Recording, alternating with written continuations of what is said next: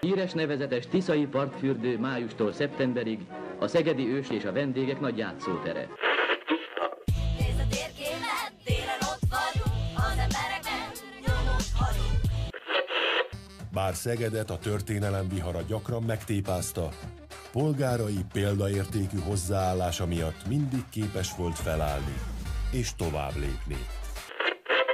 Mert a legjobb hal a bor, abban nincsen szálka, mondják Szögedében.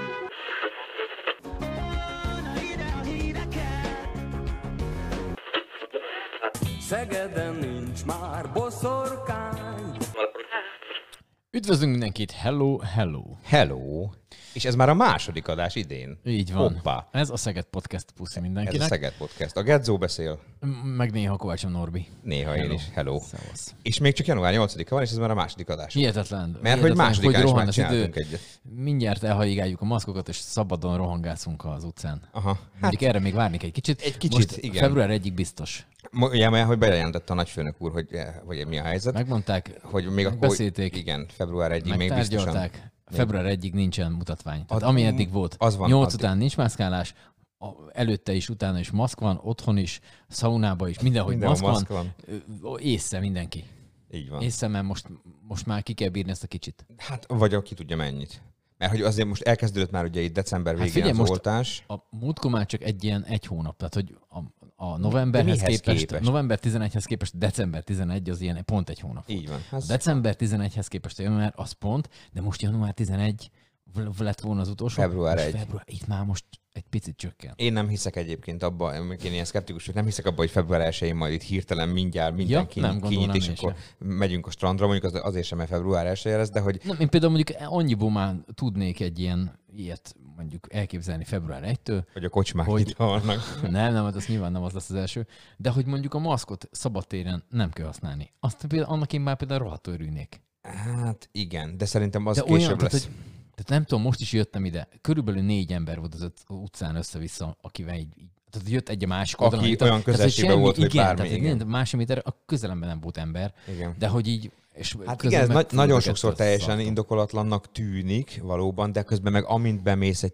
kicsit Nyilván, persze, sűrűbben, persze nyilván ez mondjuk Pesten mondjuk egy, egy Deák téren, vagy egy Hát Szegeden is azért vannak olyan részek, mondjuk ma, a Mastér Széchenyi, reggel, vagy a Széchenyi. igen, tehát nyilván. Tehát, igen, meg a trolli megállók, meg a tömegközlekedési eszközök, de mondjuk nyilván az lehetne külön.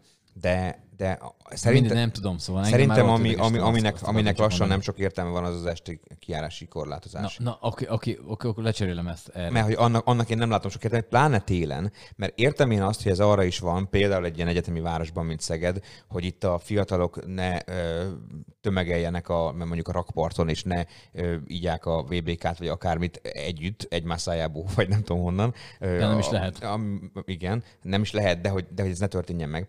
De hogy egyrészt, aki akarja, aki nagyon akarja, nagyon ilyen igénye, az megcsinálja 8 előtt is. Másrészt 8 óra után most azért nincsen olyan túl meleg. Tehát én nem hiszem, hogy olyan túl sokan a masszív alkoholistákat leszámítva, nem hiszem, hogy túl sokan akarnak az utcán inni este, és hát ezért én nem tudom. Tehát én, nem, én ennek az este 8 órás kijárási korlátozásnak nem sok értelmét látom már, úgyhogy ha, ha valamit, persze nem vagyok szakember, de ha valamit el lehetne hagyni, akkor már mondjuk esetleg azt. Igen, Ö, azt nem volna baj. a, a maszkot azt nem tudom. Az azért, az azért eléggé stabilan tartja magát, hogy ez az egyik leghatékonyabb védekezési eszköz, a maszk, úgyhogy én azzal még egy kicsit fenntartásokkal vagyok. De leginkább amivel kapcsolatosan viszont fenntartásokkal vagyok, vagy legalábbis kérdéseim lennének, az az a mostanában egyfolytában hírekben mindenhol megjelenő néhány olyan információ, amit nem tudok hova tenni. Hogy például még mielőtt a nagyvezér bejelentette volna, hogy február 1-én ö, vagy ebbe- elsőig meghosszabbítják a január 11-ig tartó korlátozásokat, Igen. hogy ugye Müller Cecília például arról beszélt, vagy valami olyasmiről beszélt az operatív törzs tájékoztatóján, vagy legalábbis ott elhangzott, hogy, hogy mindenképpen indokolt ö, fenntartani a járványügyi készültséget, annak ellenére is, hogy elkezdődött már az oltás. Na most ezt én először teljesen logikusnak gondoltam, hogy hát persze, hát így hiszem eddig csak egészségügyi dolgozókat oldottak be, meg most a tegnapi nap során elkezdődött már a, a, az idős otthonok dolgozóinak és lakóinak az oltása is Magyarországon. De hogy hát ez még nyilván nagyon kevés. És hát emiatt nyilván nem lehet feloldani a korlátozásokat. Na de pláne mivel ugye, ráadásul ugye ez kétkörös oltás, tehát még először Igen, megkapja az ember, aztán két hét, aztán még. Na de hogy, na de hogy vannak itt olyan dolgok, hogy amik, amik viszont megcsapták a fülemet, hogy, hogy ar- arról is beszélt többek között a tisztifőorvos, vagy legalábbis ezen a tájékoztatón elhangzott, hogy hogy aki megkapta a védőoltást, az még nem lazíthat a járványügyi szabályokon, mert hogy még a két oltás között, illetve a második oltán, oltás után is még hetekig, több hétig vagy egy hétig, kiala, vagy a, kialakul a védettség, és addig még köztes időszakban ö, még megfertőződhet, esetleg tovább is adhatja a fertőződést. Aztán például Falus Ferenc, akivel egy hónapja, kicsit több, mint egy hónapja beszélgettünk itt ebben az adásban, ő arról beszélt még az ünnepek előtt, vagy két ünnep között, hogy a beoltottak is megfertőződhetnek, ugyan tünetmentesen, de tovább is adhatják a, a, a, a fertőzést. Tehát ez ilyen fu, furcsa helyzet, hogy akkor most mi, hogy ez így, ezt így laikusként nem érti az ember. Mert először, amikor mondták ezt, akkor azt gondoltam, hogy persze, addig, amíg a két vakcinát meg nem kapja, és ez a teljes védettség össze nem áll. De hogy itt úgy tűnt, mintha úgy egyébként is.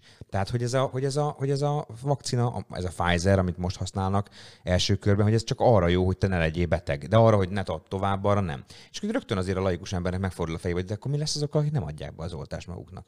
Mert teljesen laikusként azt gondolnám, hogy mondjuk most vegyünk 10 millió embert, abból 8 millió megkapja az oltást, kettő meg nem, akkor a kettőnek az a, marad, az a 8 millió az potenciálisan tünetmentes fertőzött, nem? Mert hogy ugye megkapták az oltást, ők elkaphatják a vírust, meg is fertőződhetnek, csak nem betegszenek meg. De tovább tudják adni nekem, mondjuk, aki nincsen beoltva. És akkor, és akkor tehát, jön velem szembe egy csomó olyan ember az utcán, aki úgy néz ki, mint hogy semmi baja nem lenne, nincs Tehát is. mondjuk azt, hogy mondjuk... Ez most te, te- te, mondjuk vegyünk, vegyük az én példámat, mert nem betegedtem meg. Igen.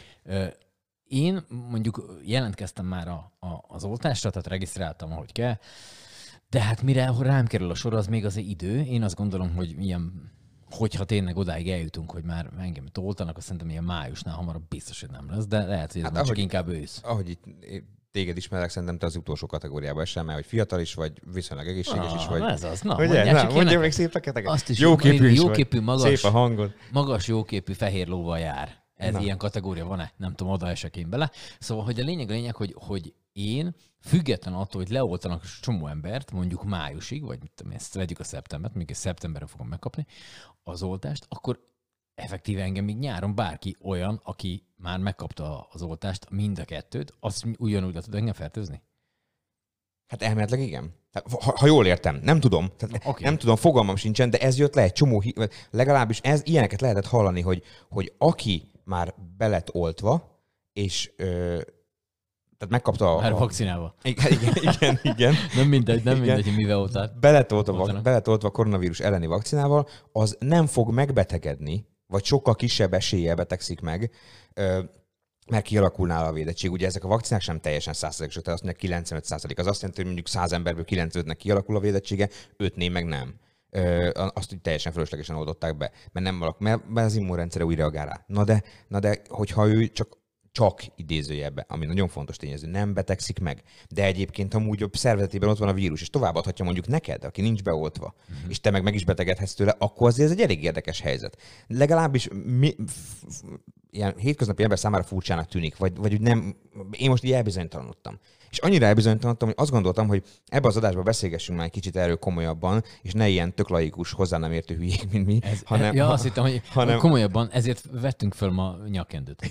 Igen. komolyabbnak Én- tűnjünk. Én frakba vagyok. Nem, hanem, nem, hanem, nem hanem arra gondoltunk, hogy felhívunk olyan embereket, akik nálunk ehhez sokkal, sokkal, sokkal jobban értenek, és többek között így került a látókörünkbe, nem csak így, de hogy így gondoltunk például Boldog Kői Zsoltra, aki ugye molekuláris biológus, az MTA doktora és Szegedi Tudományegyetem Orvosi Biológiai Intézetének tanszékvezető egyetemi tanára.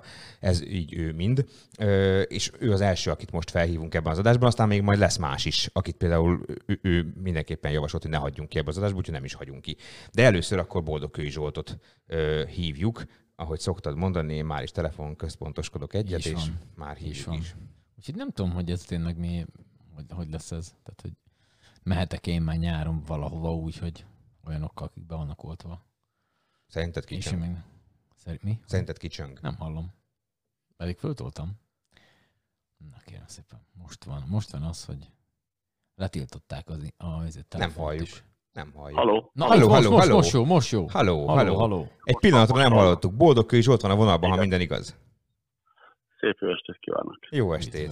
Szokott ilyen kicsöngés hang is lenni, de az most valamiért eltűnt. Na minden esetre itt van, üdvözöljük az adásban. Hát eddig arról beszélgettünk, hogy, hogy nem tudunk mit kezdeni azokkal az információkkal, amik, amik mostanában így megjelentek a mindenféle híradásokban a vakcinával kapcsolatosan, meg úgy, egy, meg úgy egyáltalán azzal kapcsolatosan, hogy, hogy, hogy akkor milyen védettséget, meg mennyire is jelent ez, ez, ez védettséget számunkra, és hogy kinek adhatjuk tovább, kinek nem esetleg a vírust, hogy elkapjuk. Ugye Az operatív törzsnek néhány nappal ezelőtti tájékoztatóján Müller Cecília, vagy hát ott a tájékoztatón elhangzott az, hogy aki megkapta a védőoltást, az sem lazíthat ö, még a járványügyi szabályokon, mert a két oltás között még ugye eleve nem alakul ki a védettség, és még utána is több idő kell ehhez.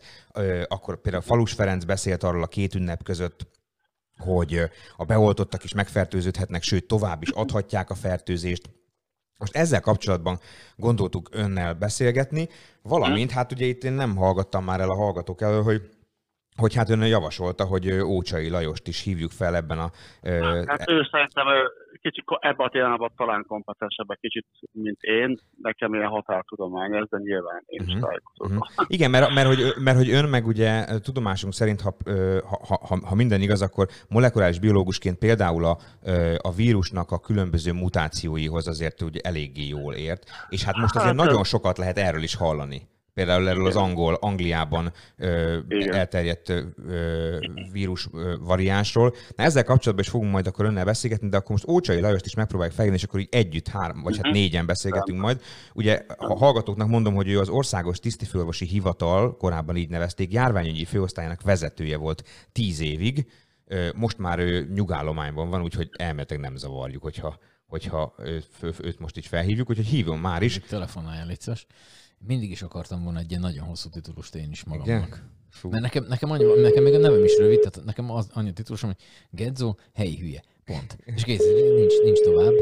Akartam volna egyszer. Haló, tessék, Haló, Ócsai Lajos. haló. Jó napot kívánok! Halló, jó napot kívánok! Gedzó és Kovács M. Norbert a vonalban, és itt az adásban üdvözöljük. Ha minden igaz, akkor most már fog is bennünket hallani ön is, meg Boldogkői Zsolt is. Halljuk, halljuk Én- én egymást, vagyok. halljuk egymást Igen. mindannyian. Boldogkői úr itt van, Igen, jó Ócsai úr napot kívánok! Szép jó estét mindenki. Ó, Szép jó jó. estét kívánok én!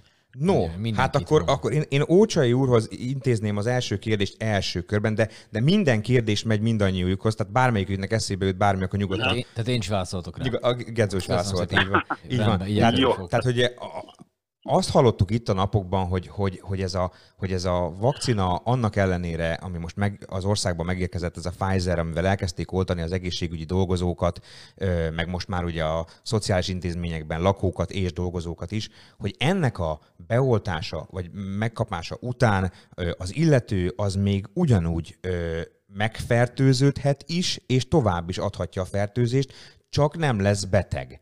Na de hogy ez valójában mit jelent? És hogy ez akkor azt is jelenti, hogy akkor ha engem beoltanak, akkor aki nincs beoltva mondjuk a családomban, az tőlem ugyanúgy elkaphatja, mintha én be se lennék oltva, és ugyanúgy beteg lehet, és akár ugyanúgy életveszélyes állapotba is kerülhet. Tehát mit jelent ez pontosan? Hogy kell ezt értelmezni, ezeket az információkat? Ez egy nagyon bonyolult kérdés, amit el lehet magyarázni egyszerűen, és el lehet magyarázni úgy is, hogy senki ne értse meg. Akkor válaszok az, első, válaszok az elsőt. Igen. Megpróbálom az első variációt uh, uh, választani, tehát Ezt én ha köszönöm. beoltanak 100 embert, abból uh, ugye több mint 90 a jelenlegi oltóanyaggal védett lesz a fertőzéssel szembe. A fönnmaradó 10 alatti szám, tehát 4, 5, 8, attól függ, ő nem lesz véd- védett, olyan, mintha nem kapott volna oltást.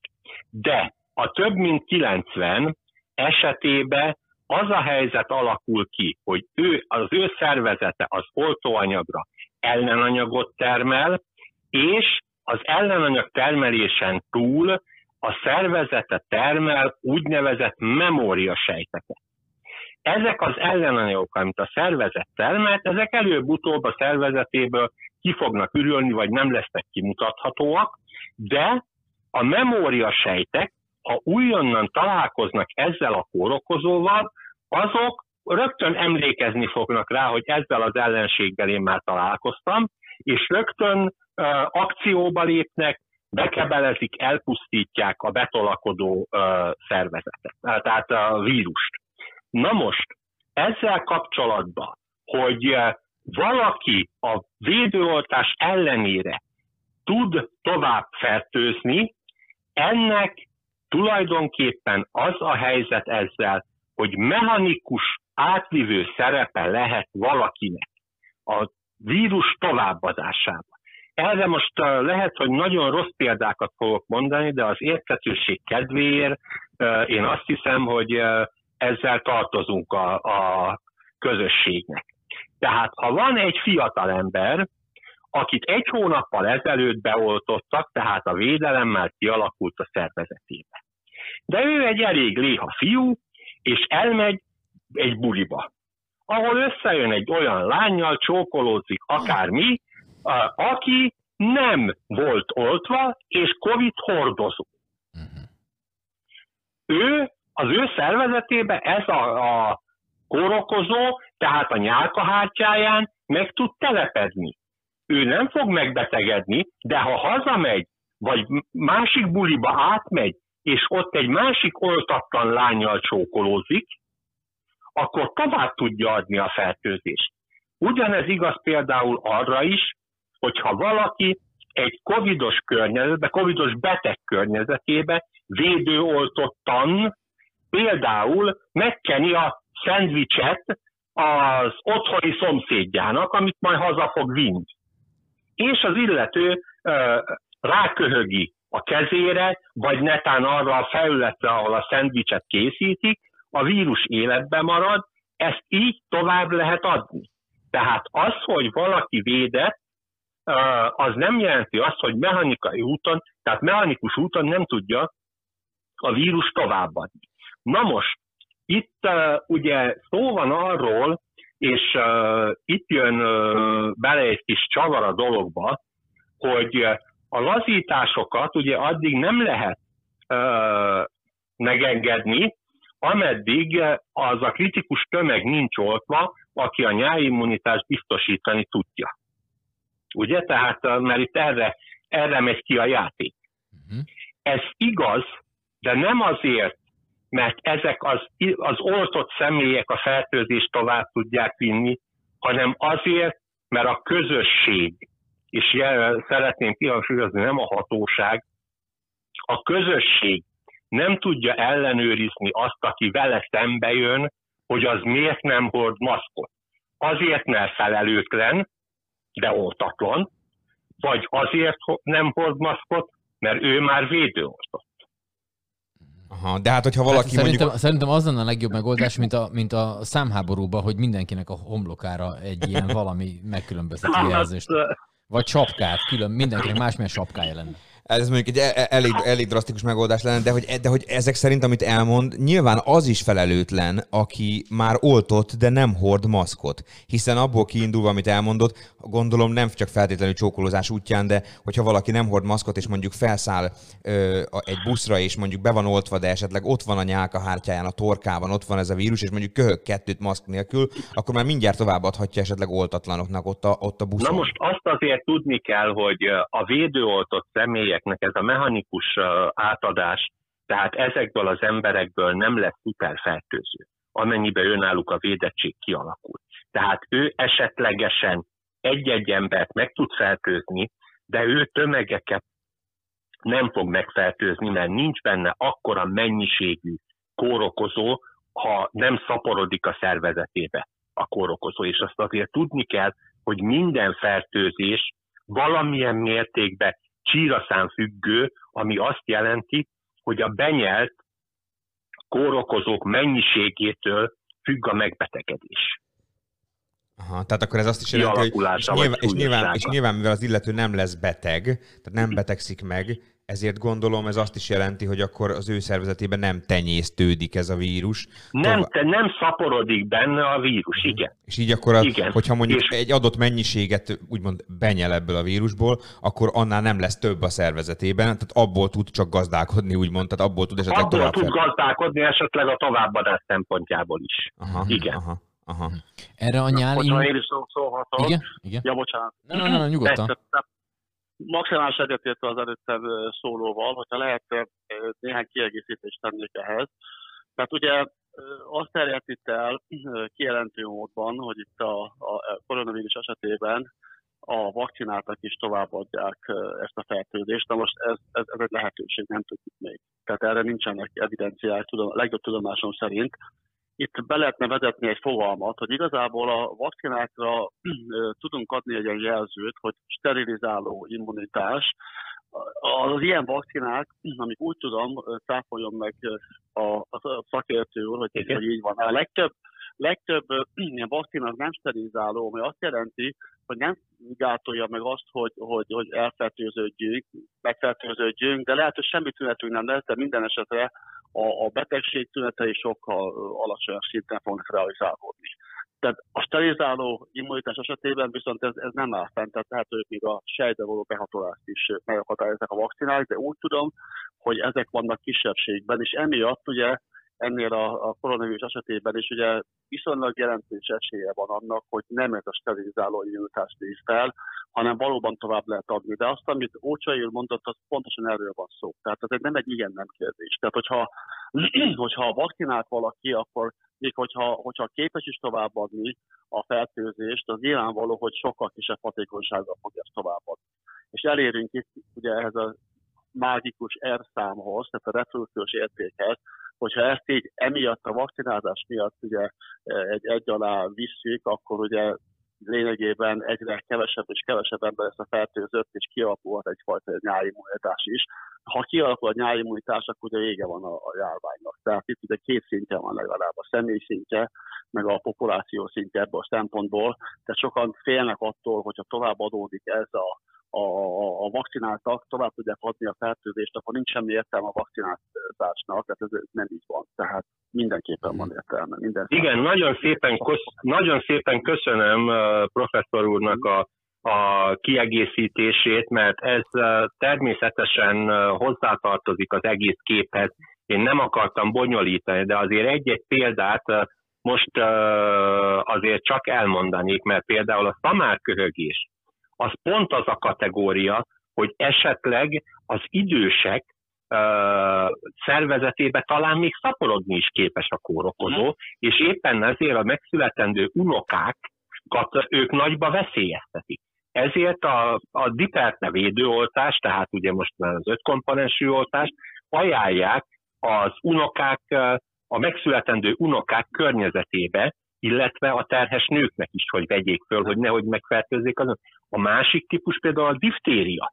A diftériánál, tehát a torokdi, a diftériánál ott viszont antitoxikus immunitás van, tehát a toxin ellen, amit termel a kórokozó, az ellen védi a szervezetet a védőoltás. De a kórokozó meg tud telepedni, szaporodni tud, viszont nem tud megbetegedést okozni. Tehát igen, ennek több variációja van, és ennél ténylegesen nem tudjuk konkrétan, hogy ez sterilizáló, vagy nem szerintem, mert például a kanyarónál, ugye, meg a, a rubeolánál, umsznál, ezeknél a, a vírusoknál, ezek itt nem, szaporod, nem tud szaporodni. A Így van. kórokozó. Például a a rotavírust egy jó, az ellen is van ilyen vakcina, de Igen. Igazából nem tud megvédeni az a vakcina attól, hogy megbetegedjünk, hanem, hanem azt, hogy egy súlyos betegség nem alakul ki. Tehát ott, ott Igen. valószínűleg Igen. az oltottak is tovább tudják adni a betegséget. Igen, igen, igen. No, közben már itt többször említettük ezt a nyáli immunitásos történetet, hogy ez a nyáli immunitás, Nyáj. ez menny... Igen, nyáli immunitás. Nyáimmun. hogy, De ö, nyári immunitás is van, igen. Ja. ugye, ö, hogy, hogy ez, ez mekkora ez a szám? Tehát mikor érjük azt el, amikor ez, amikor ez bekövetkezik, és akkor azt lehet mondani, hogy na most meg vagyunk ezzel. Mennyi embert kell leoltani mondjuk ehhez? Tehát mennyi embernek az oltását kell, kell biztosan elérni ahhoz mondjuk egy 10 milliós Magyarországnál? Tehát két, két, két különböző dolog van. Ez, hogy hány százaléka a populációnak kell, hogy immunis legyen a, a vírus ellen, és hány százalékot kell beoltani. Tehát ugye az immunitást először is kétféleképpen érjük el. Az egyik a természetes, a másik a mesterséges immunitás. A természetes, amikor elkapjuk a vírust.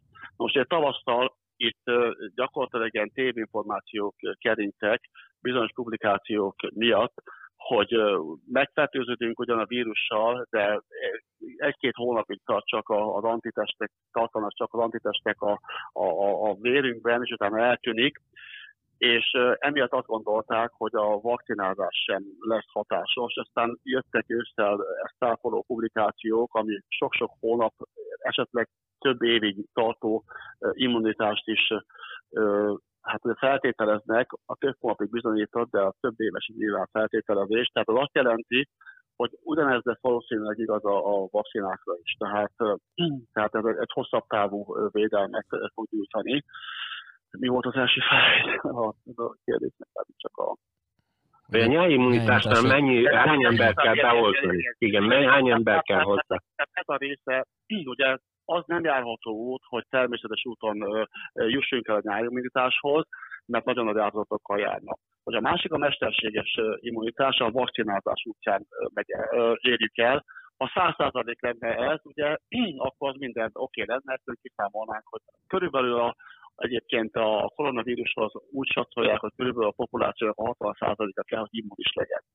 Na most a, ez a, mondjuk a Pfizer vakcina, meg a Moderna vakcina, az kb. 90%-os hatásosságú, azt jelenti, hogy be kell szólni egy 1,95-tel. Tehát össze kell adni a természetes immunitást, a mesterséges immunitással, és kell egy ilyen szószó, ami a vakcinának a hatásosságát jelzi. A lényeg az, hogy a populációnak körülbelül a 60%-a ö, legyen immunis, és akkor, akkor meg fog állni. Aha, tehát, Tehát ez Magyarországon mint egy mondjuk 6 millió ember. Körülbelül. Hát igen, egy kicsit kevesebb, mint hat. Igen, valamivel kevesebb, mert nem vagyunk 10 millió. Tehát ez, sok mindentől függ, azért tegyük hozzá. Tehát az évszaktól például ez függ a népsű, egy nagyvárosban például ez az elérték, az más, mint mondjuk egy, egy kis, falu, kis faluban. Tehát egy nagyon-nagyon durva szám, hogy így mondjam, de ez összpopuláció nézve igen. Tehát egy városban, egy nagy Igenis, igen. ezeknek homogénen kellene eloszlani az országba, tehát aránylag homogénen, nem úgy, hogy például Dunántúl fele nincs beoltva, az ország többi része meg száz százalékba be van, mert akkor a Dunántúlt ugyanúgy fogja érinteni a járvány, mint ha mi se történt. Persze, és a Budapesten például ez egy nagyobb számnak kell, hogy legyen, télen meg talán még nagyobb. Tehát ilyen, ilyen dolgok vannak, amit ugye nem tudnak itt bekalkulálni, azért hogy körülbelül 60 százalék nagy átlagban. Viszont akkor ez azt is jelenti, amit Ócsai úr elmondott, hogy az a példa, ami egy nagyon érzékletes példa volt a, a, a léha fiatalemberrel, aki elmegy a diszkóba és össze-vissza csókolózik. Na most eb, ez, ez, ha jól értem, akkor ameddig ezek a típusú vakcinák lesznek, amiket most ismerünk, amiket most sikerült eddig kifejleszteni, Hm. ezeknek a használatával ez a típusú fertőződési veszély, ez örökre fent áll, ha jól gondolom, a, a fertőzött és a nem, vagy a, vagy a beoltott és a nem beoltott emberek között. Tehát bármi is történik, bármekkora szám, számú már Magyarországon esetleg a, a, a, a, a hogy mondjam, a fertőzésen átesett, vagy a vakcinával beoltott embereknek a száma. Tehát a, esetleg, ha meg is van az immunitás, nagyon kis eséllyel, de bármikor előfordulhat, ha jól értem az, hogy egy be nem oltott ember ből bekerül a vírus mondjuk egy beoltott ember szervezetébe, ahonnan meg egy másik be nem oltott emberébe kerül bele, és akkor, és akkor így, tehát ez a technikai úton való átvitel, ez, ez bármikor megtörténhet. Ahogyan gondolom de, most... Ha megvan immunitás, akkor, akkor, akkor nem fog menni a vírus. Hogyha nem változik, ha nem mutálódik, akkor nem fog menni. Ha, ha nincs járvány, akkor nem fog menni a vírus. Tehát nincs meg az az elérték, hogy, hogy egy ember több ideig megáltatja. És egy dolgot ne felejtsünk el a fertőző betegségeknél, hogy egy új fertőző betegség, hogy létrejöjjön, ott három dolognak egyszerre kell jelen lenni. Tehát a fertőző forrásnak, tehát a beteg vagy kórokozó hordozó embernek, hát a levegő, mint közvetítő, vagy a felület, a tárgyak, azok ugye jelen vannak, és a fogékony szervezetnek. Tehát egyszerre kell jelen lenni, mert ha nincs ott a fogékony szervezet, vagy nincs kórokozó, akkor a fertőzési lánc megszakad, tehát nem fog új fertőzés kialakulni. Tehát éppen ezért például ezt jó lenne a lakosságba is tudatosítani, hogy azért kell például a, hát a maszkot hordani, azért kell magát beoltatni, hogy ne tudjon ő se fertőződni, és más ne tudjon megfertőzni. És ez egy szerencsés betegség ilyen szempontból, hogy 60% kell, 60%-ot kell körülbelül átoltani, mert például kanyaró esetében ez 95%. Mert a kanyaróvírus sokkal fed nagyobb a fertőző képessége.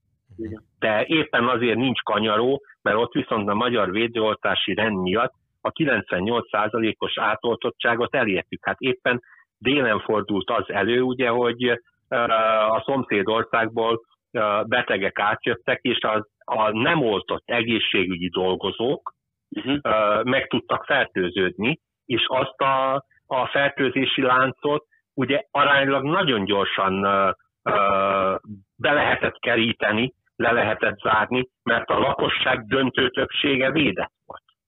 Így van, tehát azt hozzátenném, ugye, hogy a kanyaró esetében például, hogy azt jelenti, hogy már nincsen járvány, nem azt jelenti, hogy lokálisan néhány embert érintene, alakulhatnak ki pontosan ezek az oltás ellenes közösségekben, ezen alternatív iskolák szülei, gyerekei körében kialakulhat egy ilyen, de mivel az ország nagy része ugye oltott, emiatt nem nagyon nehezen terjedne, vagy nem terjed ez a vírus. Tehát a magyar helyzet egyébként azt tegyük hozzá, hogy rendkívül jó világszerte. Hogy a kötelező oltási rendszer, ez, ez nagyon jó nálunk.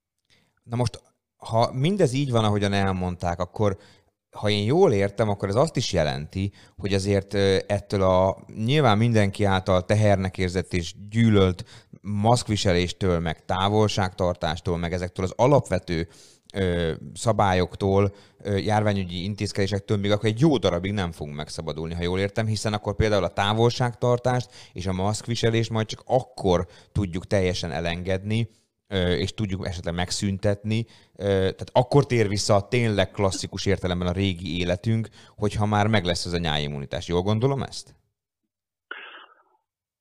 Mondhatom én is. Tehát, tehát Tessék igazából mondani, most, de ö, ha most, jele, most azonnal be tudnánk oltani gyakorlatilag minden embert, hogy ezt a bizonyos 60 ot akkor az hamar megoldódna ez a... Én szerintem, de cáfolja meg szerintem akkor megállítanánk itt a járványt. Csak Egyértelműen. Egyértelműen. Tehát itt az oltás, az átoltottságnak a gyorsasága, itt az oltásnak a megszervezése, az egy rettentő nagy gordiuszi csomó, amit meg kell oldani, és a rendelkezésre álló oltóanyagot ugye minél hamarabb föl kell használni, és ez a jelenlegi Pfizer vakcinánál ez a mínusz 70 fokon való tárolás, ez körül nagyobb a hajcihő, mint a gyakorlati probléma, mert uh, szerintem mínusz 20 fokon tárolni megbízhatóan egy oltóanyagot, mint például a Modernáé lesz, az lehet, hogy nehezebb lesz, mint a mínusz 70 fokon uh, tárolni, mert uh, a száraz jég az biztosítja a mínusz 70 fokot. Viszont uh, a háztartási mélyhűtő nem biztos, hogy biztosítja a mínusz 20 fokot. Tehát itt ilyen logisztikai problémák is uh, vannak, és az oltóanyagot, hogyha fölengedik, akkor azt ugye 5 órán belül föl kell használni. Na most ez, ehhez kell a védőoltást, egy rendes oltási terv, amiben mindenki tudja a feladatát. Tudja az a patikus, ha ő rá van bízva az oltóanyag, hogy mikor engedi föl az oltóanyagot, hova viszi, tudja az orvos, hogy mit kell csinálni, tudja az asszisztens, hogy mennyi ideje van az adatot bevinni a számítógépbe, és tudja az illető, hogy mikor kell oda menni. Uh-huh. Mert hogyha ez körül egy káosz kialakul, akkor az oltóanyag hiába van meg, nem, nem lesz, nem kerül felhasználásra megfelelően, és azt viszont nem kellene elérni, hogy szúrjunk, de ne immunizáljuk. Ja, mert hogy egy idő után, hogyha nem el, ha mondjuk túl sokáig tartottuk nem megfelelő hőmérsékleten, akkor valójában ö, úgy megy tönkre, hogy, hogy, hogy nem hatékonyságát, el a hatását. Aha. Igen, hát ez volt annak idején a 70-es években, tehát 69-ben vezettük be a kanyaró elleni védőoltást, és az a kanyaró oltóanyag egy nagyon jó oltóanyag volt, csak egyetlen egy nagy hibája volt, hogy hőlabilis volt. Tehát ha nem megfelelőképpen volt tárolva, akkor két órán belül szobahőmérsékleten elvesztette a hatását. És a 70-es években azért az áramellátás nem volt olyan patent, mint ma, tehát leengedett a hűtő, két nap múlva észrevették, azt hitték, hogy minden rendben, mert utána visszajött az áram, ugye, oltottak, de nem immunizáltak. Tehát ilyen problémák előfordultak. És azért kellett, azért is cserélte le annak idején már a, a, a, az epidemiológiai központ annak idején, amikor még volt, meg a tisztifőorvosi hivatal együttesen az oltóanyagot, egy olyanra, amelyik nem volt ennyire hőérzékeny. Hát akkor már volt uh, választási lehetőség. Uh-huh. Hát ez- érdekes, érdekes ez, mert hogy ugye ö, több mindenféle fajta cikket le- lehetett ezzel kapcsolatban olvasni, hogy, hogy mit tudom én, száz ember tudnak egy nap leoltani, ö, stb. stb., hogy igazából ez meg így nincs megmagyarázva, de így azért már mindjárt ö, más kontextusba kerül a dolog, hogy ö, hogy, Hogy ezért tudnak hogy ennyi ezért, ember. Igen, tehát hogy, hogyha kiolvad, vagy hát hogyha felolvasztják, vagy tehát hogyha olyan állapotba kerül a- az oltóanyag, akkor azt baromi gyorsan meg kell, be kell oltani, mert különben tényleg akkor ez ennek így sok Hát igen, lesz itt idő után. tulajdonképpen én egy nagy hibának látom azt, hogy és nem tudom, hogy professzor úr ezzel hogy van, de azt, hogy a kommunikáció nem érthető, ö, nem következetes, és ö, sajnos nem őszinte. Azt nem tudom megmondani, hogy nem őszinte. Én egy dolgot kikulásolnék, egyetértve azzal, amit mond, hogy, hogy vannak jó virológusok Magyarországon, és nem nyilatkozhatnak. Tehát igazából mindenki engem keres, de gyakorlatilag a egyetemi szférában én meg a Rusvai nem vagyunk, vagyunk még egyelőre letiltva. Igen. Tehát, tehát, tehát az, hogy igazából nem is tudom, hogy tehát, tehát sokkal jobb lenne, hogyha sok hiteles információ ö, érné ugye a laikus közönséget, mert egy vagy két ember, hogy mondjam, ez túlságosan kis hangerő, főleg, hogyha figyelembe veszük azt, hogy a másik oldalról ezek az oltás ellenesek, meg a víruszkeptikusok, ezek óriási hangerővel üvöltöznek. Én ezért is javasoltam Ócsai urat, hát ha őt is fogják majd kérdezni ezentől a médiában, hogy, hogy legyen, legyen valaki, aki megbízható Hát információ. igen, már, már keresnek, meg az oltás, a védőoltás ellenzők engem, amikor hivatalba uh, voltam, se voltam a szívek a szív szűkében, mert uh, én mondjuk uh, ezt uh, az emberiség elleni bűnnek uh, ítélem meg, és ennek én hangot is adtam, tehát akkor is, amikor uh, munkaviszonyban voltam, tehát uh, nem uh, nem, uh, hogy, em, e- hogy, hogy emberi életeket, hogy mondjam, kockáztatunk azzal, hogy, hogy, hogy megijesztjük őket, meg hamis információkkal látjuk el. Tehát ez, ez egy tényleg egy emberiségen, én azt mondom, én is azt mondtam egyébként többször is. Hogy Hát igen, és most Tehát csak nézzünk, nézzünk át a szomszédba, ugye Romániába. Az oltás ellenesek miatt van a kanyaró járvány már évek óta. Most nem tudom, hogy éppen, de biztos, hogy 50 fölött van a haláleseteknek a száma. És itt sajnos az a rettentő nagy probléma, hogy ez már Romániában ténylegesen hitvita, mert ugye a pravoszláv egyház ennek a mozgalomnak az élére állt. Tehát, ö, hogy hogy tudnak elszámolni a pópák a gyerekéletekkel, amik megelőzhetők lettek volna, tehát azt mondjuk én nehezen tudom elképzelni.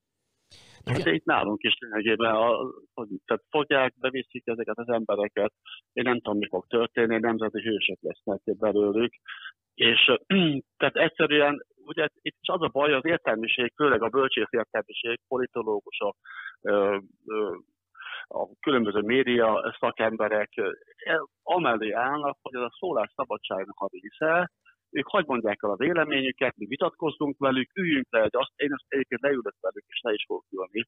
Mondjuk azt nem fogom érzékeltetni, hogy legyen partnerek, nyilvánvaló, mert ez egy rossz üzenet, de, de a szólásszabadság részének veszik ezt. Holott ugye az sem a szólásszabadság része, hogyha azt mondjuk, hogy mit tudom én, hogy bizonyos bőrszínű emberek azok takarodjanak az országból, az értelmiség ezt meg ezt csinálja, nem tudom micsoda, tehát a szólásszabadságnak korlátai vannak.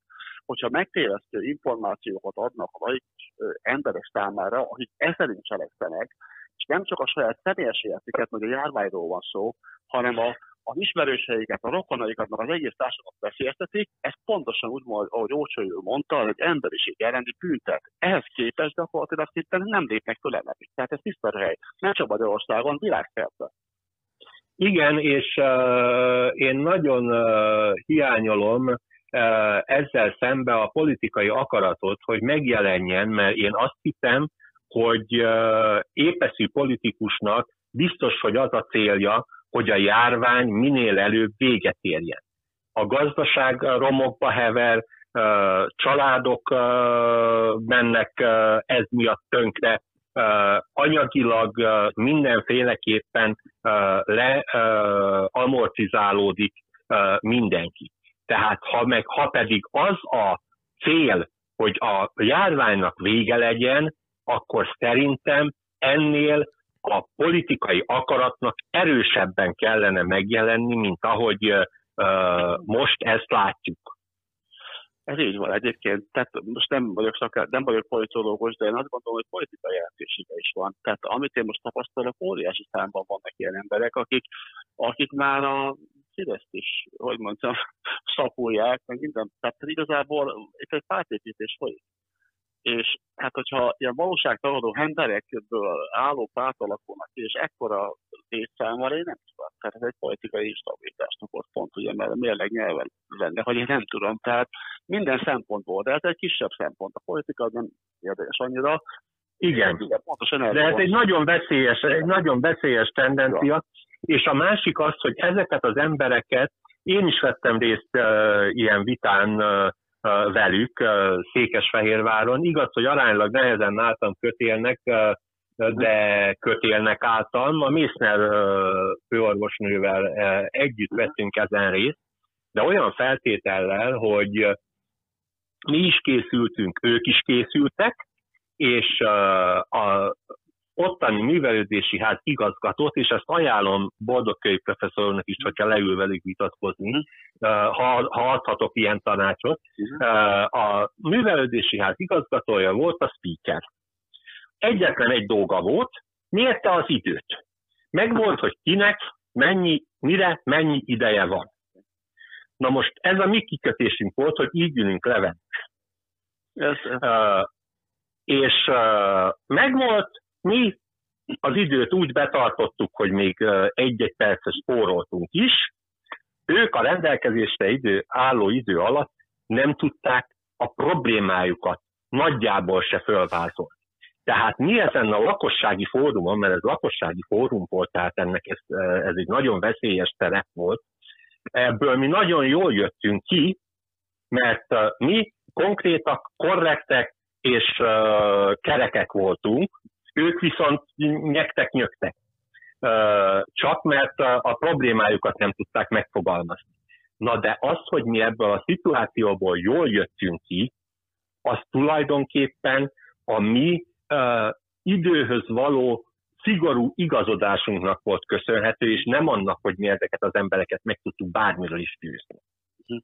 hát igen. Hát Mert ez hitvita. Szóval ezeket nem lehet. Igen.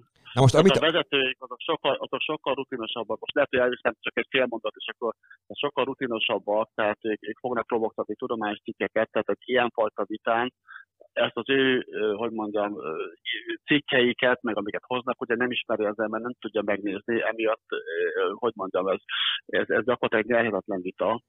Tehát Mi, én egyszer ennek, ennek egyszer utána néztem, rettentő nehezen. Szerencsére én akkor az Zoonózis Társaság alelnöke voltam, és az Állatorvos Tudományi Egyetemmel mert értem gyanúperrel, hogy nem létezik olyan professzor a humán orvoslásban impact faktoros cikket sehol nem találtam a nevével, semmit a, a humánról utána néztünk, és fölvetődött bennem a gyanú, hogy biztos, hogy humán orvos ez. És ott a barátaimat megkértem, hogy nézzenek már utána, hogy mi van. Állatorvos professzor volt. Professzor volt tényleg, de állatorvos. És a humán egészségügybe dumált bele, és osztotta az év a védőoltásokon. Na most, hát ez mennyire, mennyire hiteles, mennyire lehet hiteles, amikor a humán dolgokban egyáltalán nem is publikál. Tehát humán folyóiratokban. Egyébként a, a, a állatorvosiba se nagyon. Na most mindez, Úgyhogy ebbe élte ki magát. na most mindez, Hát amit ez felvetettek, az, az egy társszakma egyébként, tehát az, hogy én is azért biológus vagyok, meg a Rusfai Miklós az meg állatorvos. Jó, Áll- állati zoonózis, tehát egy állati vírus volt, tehát igen. hát különböző Na most nem erről volt konkrétan szó, hanem a kanyaróról akkor. Tehát úgyhogy Na most mindez, amit felvetettek, ez, ez bennem is, ö, ö, hogy mondjam, nagyon könnyű a- ahhoz a pontig, hogy, hogy nyilvánvalóan itt borzasztó dezinformációk vannak, és egészen elképesztő az, a, az amit mondjuk a Facebookon és mindenféle közösségi média felületeken lehet látni, és ami terjed oltás ellenesség, meg, meg, meg teljes hogy is fogalmazok, szakmaiatlan megnyilvánulásoknak olyan tere, ami, ami egészen elképesztő, hogy mekkora teret tudnak kapni. És ennek kapcsán fordul meg az ember fejébe, és nyilván ez már jogászkodás, meg, meg, meg mindenféle jogi, jogi problémát felvet, de visszakanyarodnék ahhoz, amit az elején mondtak, hogy, vagyis, vagyis egy pár perccel ezelőtt mondtak, hogy ennek a, ennek a téma résznek az elején, hogy, hogy itt meg lehetne állítani ezt, a, ezt az egész járványhelyzetet, ezt az egész járványt le lehetne győzni, ha nagyon gyorsan, nagyon hatékonyan be lehetne oltani a nyáimmunitás eléréséhez megfelelő számú embert. Mit gondolnak önök arról, és mondom, ez nyilvánvalóan jogi kérdéseket is felvet, de hogy, hogy, hogy nem lehetne ezt mondjuk, eh, ha már itt, eh, itt társadalmi érdekekről, meg, meg, meg, meg emberi életekről beszélünk, akkor akár mondjuk kötelezővé tenni? Mint ahogyan egyébként nagyon sok oltás Magyarországon kötelezővé van téve. Akkor e- ezt mondjuk nem lehetne valamennyi idő alatt elérni azt, hogy már pedig koronavírus oltás kötelező legyen. Ez azért nem lehet még kötelezővé tenni, mert még annyira friss az oltás, hogy egész egyszerűen nem elég biztonságos a kötelezővé tételhez, vagy egész egyszerűen valamiféle magasztos ilyen ö, jogi és, ö, és ilyen emberi, emberi ö, elvek alapján nem lehet rákényszeríteni az embereket arra, hogy, hogy de hát, hogyha meg nem lehet, akkor meg más oltásokat miért lehet? Tehát ez egy, ez egy kérdés Ha számomra. lehet, akkor ezt én elkezdeném ezt a gondolatmenetet, mert akkor voltam hivatalban, amikor az ombudsman és az alkotmánybíróság is az életkorhoz kötött kötelező védőoltási rendet több nekifutásra uh, vizsgálta. Tehát a 14 év alatti gyerekeknél a kötelező védőoltás igaz, hogy állampolgári jogokat korlátoz, de a törvényből van levezetve, jó magyarsága, tehát törvényből és ágazati jogszabályjal alá van támasztva, tehát jogilag ebbe nem lehet belekötni. A másik dolog pedig az, hogy az Alkotmánybíróság mondta ki 2007-ben, azt hiszem, hogy a, az államnak a szülővel szemben is meg kell védeni a gyereket, és a gyereknek viszont alapvető joga az egészségbe való ö, nevelkedés, tehát ezt a jogát az államnak kell biztosítani. Más a helyzet a felnőtteknél. És nem tudom, hogy itt a boldogkői professzor úr átveszi-e, tehát az, hogy a felnőtteket nem lehet kötelezni, viszont ennek ellenére a jogszabály alkotással bizonyos foglalkozási körökbe a 61 per 1999-es egészségügyi minisztériumi rendelet úgy szól, hogy a biológiai kockázatbecslésről, abba, ha egy mondatot módosítanának, akkor a bizonyos munkakörökbe a kockázatbecslést, ahol kötelező megcsinálni, ott ezt az oltást nem kötelezővé lehetne tenni, hanem a munkáltatónak kötelező lenne felajánlani a foglalkoztatás feltételeként. Tehát, ha nem veszi föl az oltást, abban a munkakörben nem foglalkoztatható. Gondolok itt a csökkent immunitásúakat ápolókra, a szociális otthonok ápolóira, és tehát az egészségügy bizonyos részei ebbe, kutató laboratóriumok munkatársai ebbe belekerülhetnének. Hát akkor folytatom. Tehát Igen. persze. Én felvetett pontosabban egy ilyen műsorvezetői kérdésre, ugye azt válaszoltam, hogy kötelezővé tenni, de nem ö, specifikáltam, hogy ilyen, ilyenfajta motivációs módszerekkel, mint amit a Ocsai úr ö, mondott.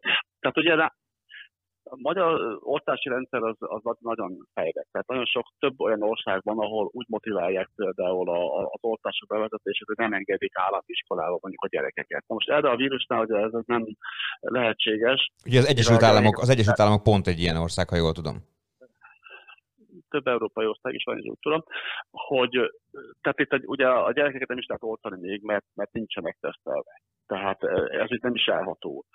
A másik dolog az, hogy motiválni. Tehát ugye a külföldre utazáshoz, a külföldön való munkavállaláshoz, stb. biztosak volnak ilyesmiket kérni.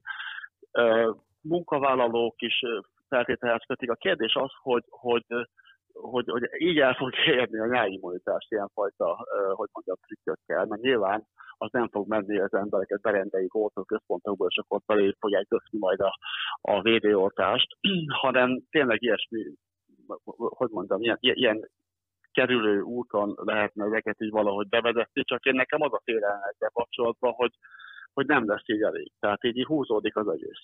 És előállhat... húzódik az egész, az, az, az sok egyéb problémát is ugye felvet, nem csak nálunk, hanem világszerte. Tehát a vírus itt kering a bolygón körbe-körbe, ugye akkor az lesz majd, hogy tényleg olyan mutáns verziók alakulnak ki, amikre nem lesz jó, vagy nem lesz túl jó az oltások újra az egész. Tehát valahogy, valahogy ne kéne ezt oldani valamilyen trükkös megoldással, Pont, én, én nem pontosan ezt akartam kérdezni, és ez az ön szakterületébe vág abszolút, hogy előállhat az a helyzet, hogy idézőjelbe addig húzzuk az időt, addig annyira hagyjuk a társadalom saját belátására az oltás felvételét vagy fel nem vételét, hogy kialakulnak olyan mutációk ebben a vírusban, hogy dobhatjuk a fenébe az egészet? Tehát, hogy mondjuk az, eddig, az eddigi vakcinák nem érnek majd semmit? a mutációk azok folyamatosan vannak, tehát ugye most ez a brit verzió, vagy a dél-afrikai, nem lehet tudni, hogy micsoda, ott ráadásul olyan mutációk vannak, amik úgy veszélyesek is lehetnek, de pontosan abban a génben történik a történik mutáció, hogy 8 mutáció, ami ellen ugye elsősorban képződnek a, a, az immunvédekezés, az antitestek és védekezés, tehát de úgy tűnik, úgy tűnik legalábbis hiteles információk alapján, hogy ez nagyon valószínűleg nem fogja érinteni a jelen vakcinákat, a Pfizer és a Moderna vakcinákat, tehát hatásak lesznek.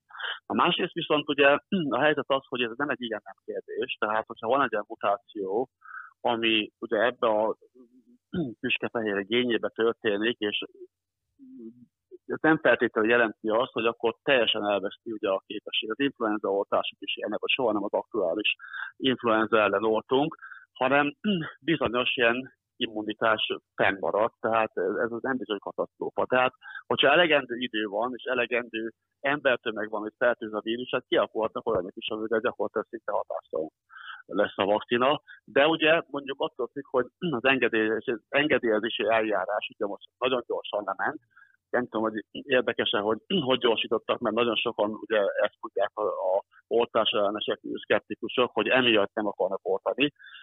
Hogyha igen, akkor majd beszélhetünk erről. Tehát itt, itt lényegében azt akarom mondani, hogy a cég, cégek, a Pfizer is kijelentette, hogyha ez történik, akkor gyakorlatilag hetek alatt meg lehet csinálni az új vakcinát, csak ugye itt az engedélyezési eljárásoknak kell kicsit akkor meg, megváltoznia. Bocsánat. Tehát igen, a válasz az, hogy, hogyha a vírus elegendő ideig van közöttük, akkor megjelenhetnek olyan mutációk, amik, amik miatt újra dolgozni kell, újra kell kezdeni. Ön, ön molekuláris biológus, mit gondol arról, ismerve már azért most itt egy éve itt van közöttünk ez a koronavírus, nyilván nagyon kevés idő, ez az egy év is tudományos szempontból, de... de, de, de uh-huh. Igen, de, hogy, igen. de ő mit gondol arról, hogy ismerve az eddigi hogy mondjam, idézőben szokásait ennek a vírusnak. Igen. Mennyire reális esély az, hogy mondjuk fél éven belül, három hónapon belül, egy éven belül, tehát belátható időn belül ez a, ez a jelenleg ismert koronavírus, meg ennek az egy, jelenleg ismert változatai produkálnak egy olyan mutációt, ami miatt esetleg egy, egy újabb ehhez hasonló, vagy akár még erősebb világjárvány ö, tud kitörni, és mondjuk olyan gyorsan, hogy arra még egy akár pár hét alatt lefejlesztett vakcina sem tud, tud, tud megoldást szolgálni. Konkrét számot nyilván nem tudok mondani. Háttérinformációkat azt mondanám el, hogy ugye ez egy ellenes vírus. Általában az ellenes vírusoknak a mutációs rátája nagyon magas.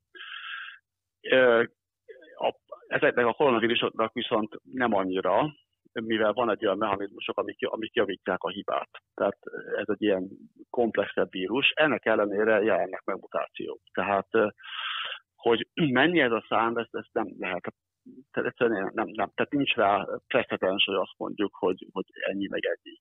Tehát valójában telje, teljesen, teljesen vakon vagyunk ebben a kérdésben. Tehát magyarul sem az nem lenne meglepő, hogyha nem évek alatt se alakulna ki egy ilyen, hogy mondjam, brutálisabb erejű koronavírus mutáció, sem az nem lenne túl meglepő, hogyha néhány héten belül kialakulna, ha jól értem ezek alapján. Igazából akármikor kialakulhat.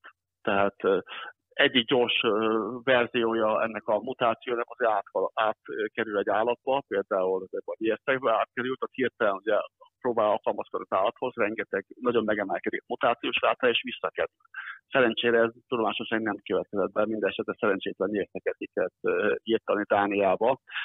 Tehát igazából, mivel nincs erre precedens, csak azt tudom mondani, hogy noha alacsonyabb a mutációs rátája, mint egy, egy másfajta ellenes vírusnak, de, de mivel egy pandémiáról van szó, és rengeteg embert megfertőz, ugye ezt, ezt azért meg kell szorozni ezzel, ezért bármikor megjelent egy ilyen, ami, ami a, a jelenlegi vakcinákat, hát ugye akár értelmetlen is teheti de mondom, nem vagyunk eszköztelenek, tehát igazából, ha az engedélyezési rendszer megengedi, akár néhány héten belül is új vakcinákat tudnak előállítani. Most utána olyan mennyiségbe állítsák elő, hogy az egész emberiségnek jó, hogy ez megint egy jó kérdés, mert a, a Pfizer is december közepén meg azt mondta, hogy, hogy tavasz elejére már 1,3 milliárd vakcinát tud majd előállítani, aztán úgy tűnik, hogy, hogy kapacitásai erre nem nagyon elegendőek, de mindegy, több más vakcina is van, úgyhogy nem hiszem, hogy, hogy probléma lesz ezzel. Most Ócsai úr esetleg mindehez bármilyen észrevételt tenne, vagy? Nem, ezzel maximálisan, maximálisan egyet tudok érteni. Esetleg az engedélyezéshez talán annyit, hogy ugye az influenza vakcinánál is ugye, a, mivel az alaptechnológia nem változik, törzsváltással meg tudják oldani a gyorsított engedélyezési eljárást. Hát nem tudom, hogy ez az MLS vakcináknál működőképes-e vagy nem, vagy erre a hatóságok hajlanak vagy nem, de az alaptechnológia itt is ugyanaz lesz, csak a szegmens ugye biztos, hogy egy más részét kell kimetszeni, meg ugyanaz lesz a, a nanofehérje, tehát a vívőanyag. Hát ez ugye az engedélyezési hatóságok protokolljaitól is a technológiától függ. Úgy tűnik, hogy rugalmasak egyébként, nem tudom, hogy érdekes-e, az a probléma, hogy hogyan, hogyan tudtak kifejleszteni ilyen idő, idő alatt hatékony és biztonságos vakcinát. Érdekes lehet Abszolút, ez? abszolút, hogy ne, hogy ne persze. Inkább. Ez nagyon sokaknak ugye pont ez, a, pont ez az érvük amellett, hogy félnek felvenni. Ez, ez, a, ez a legütősebb érv, és ez egy valódi érv, de van rá válasz. Tehát igazából ezeket a vakcinákat több éven keresztül, 5-6 esetleg 10 éven keresztül fejlesztették. Most amit változott, ott több dolog. Az egyik az, hogy ugye vannak klinikai fázisok. Az első fázisban néhány, a másodikban néhány száz, a harmadikban néhány ezer, néhány tízezer tesztemő van, de különböző dolgokat vizsgálnak. Kettő dolog a lényeg az, hogy, hogy, hogy hatásos-e, kivált immunválaszt, illetve az, hogy, hogy van-e valami olyan mellékhatása, ami súlyos lehet. Na most Először is több olyan vakcinánál azt csinálták, hogy összevolták az első két fázist, tehát mindjárt néhány százzal kezdtek. Ez igazából a teszt alanyokra lehet némileg nagyobb rizikó. Tehát, hogyha tényleg valami durva hatása lenne, és kihagyják a néhány néhány tesztalanyt, és mindjárt százal kezdenek, akkor ugye sok ember jelentkezik. Szerencsére nem volt még erre példa. Másrészt pedig összevontak fázisokat, tehát még nem fejezték a, a kettes fázis, de már elkezdték a, a hármast. A kettes is be lesz fejezve, de már elkezdték a hármast. És igazából, ami én azt gondolom, hogy a legnagyobb gyorsítás, ez az úgynevezett gördülő, nincs ennek a fontos neve magyarul, ügyintézés, vagy nem tudom, hogy, hogy magyarul kell fordítani ezt, aminek az a lényege, hogy a engedélyező hatóságokhoz már akkor kerülnek adatok, amikor még nincs kész a, a, a vizsgálat. És elkezdik már feldolgozni őket. Tehát egyrészt ugye motiváltak, nem ülnek rajta hónapokig, hanem már az erőzetes adatokat is vizsgálják, és amikor már beérkeznek a végső adatok, addigra már ugye gyakorlatilag képesek arra, hogy, hogy, hogy, hogy, hogy, hogy megítéljék, hogy, hogy valóban jó ez a vakcina, ebből a két szempontból mondtam, és akkor megadják rá gyakorlatilag az engedélyt. Most ez, hogy ezt, hogy ezt ilyen gyorsan engedélyezték, ez lényegében ez a jövő vakcina gyártásánál, esetleg a gyógyszerek engedélyezésénél is egy lehet, hogy egy nagyon jó precedenst fog teremteni. A lényeg az, az hogy hogy, hogy ugye végigmegyünk itt a, a hármas klinikai fázison, tehát a végén ugyanolyan biztonsági szintű vakcináink lesznek, mint bármilyen más. Tehát úgy gyorsítottuk, hogy, hogy, hogy, hogy ezzel nem veszélyeztetjük majd a, a, a populációt, aki már egy engedélyet vakcinát fognak használni. És egy dolog viszont, ami, ami megmarad, az az ugye, hogy más vakcinák esetében már sokkal nagyobb mintaszámról van szó, már évek óta használjuk, ez egy új vakcina. Hát erre, erre nem lehet mit mondani. A, van az úgynevezett négyes klinikai fázis, hogy amikor után ö, ilyen vizsgálatok vannak, ha megnézik, hogy mi történik, úgy tűnik, nagyon-nagyon úgy tűnik, hogy, hogy ennek a vakcinának nincsen komolyan, a Pfizer vakcináról beszélünk, nincs komoly, hogy mondjam, mellékhatása, egy picit magasabb a, a immunreakciót vált ki, abban a szempontból, hogy, hogy azt hiszem, hogy nem tudom, több, többszöröse, háromszorosabb, mint amit a normál vakcinák szoktak, ezzel jobban kell vigyázni. Tehát a legtöbb ilyen dolog ugye az lényegében veszélytelen, ugye az anafilaxiás sok az, ami probléma lehet. Angliában két ilyen eset volt, hogy, hogy ilyen történt, de ezeknek az embereknek, ennek két embernek már kórtörténetében benne volt, ez egy másfajta uh, antigénre már, már így reagáltak. Tehát igazából, hogyha megkapja az ember az oltást, és ugye nyilván azt kell maradni utána egy, egy fél órát, vagy nem tudom, hogyha ilyesmi van, akkor megkapja az adrenalin injekciót, és akkor nincsen probléma.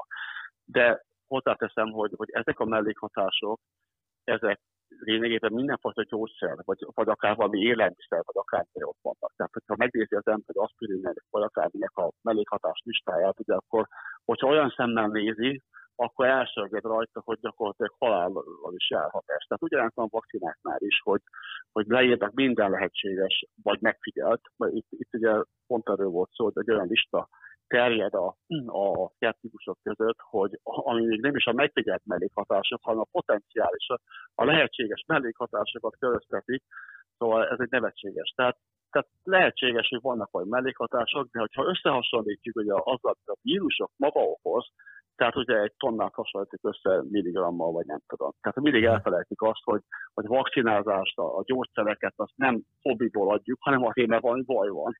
Uh-huh, uh-huh. Na most az, az akkor lényegében kijelenthető, hogy úgy gyorsították fel ennek az egésznek a, az engedélyeztetési folyamatát, hogy a lényegi kockázat elemzés, meg a lényegi kockázati szempontoknak a figyelemvétele az nem maradt el, tehát nem kijelenthető akkor az, amit ön, ön is amire, amire utalt, hogy ezek a, ez, a, ez a vakcina, legalábbis a Pfizeré, az, az körülbelül egy ugyanolyan biztonságosságú vakcina, mintha évekig tesztelték volna a korábbi procedúra szerint. Szerintem igen. Teljesen egyértelmű. Tehát itt uh, egyetlen egy gyógyszerengedélyező hatóság én nem hiszem, hogy fölmerve vállalni olyan rizikót, ami hát túlhalad bizonyos meggondolásokon. Tehát itt ők a biztonságra törekednek, és ugye azt azért tudni kell, hogy a vakcinák talán az egyik legjobban ellenőrzött gyógyszerek, és a legnehezebben engedélyezett gyógyszerek, mert ugye ezt egészséges embernek adják általában, aki viszont egy védőoltásra általában, vagy egy bármilyen minimális reakcióra nyűgösebb, mint egy beteg ember esetlegesen a gyógyszer mellékhatására.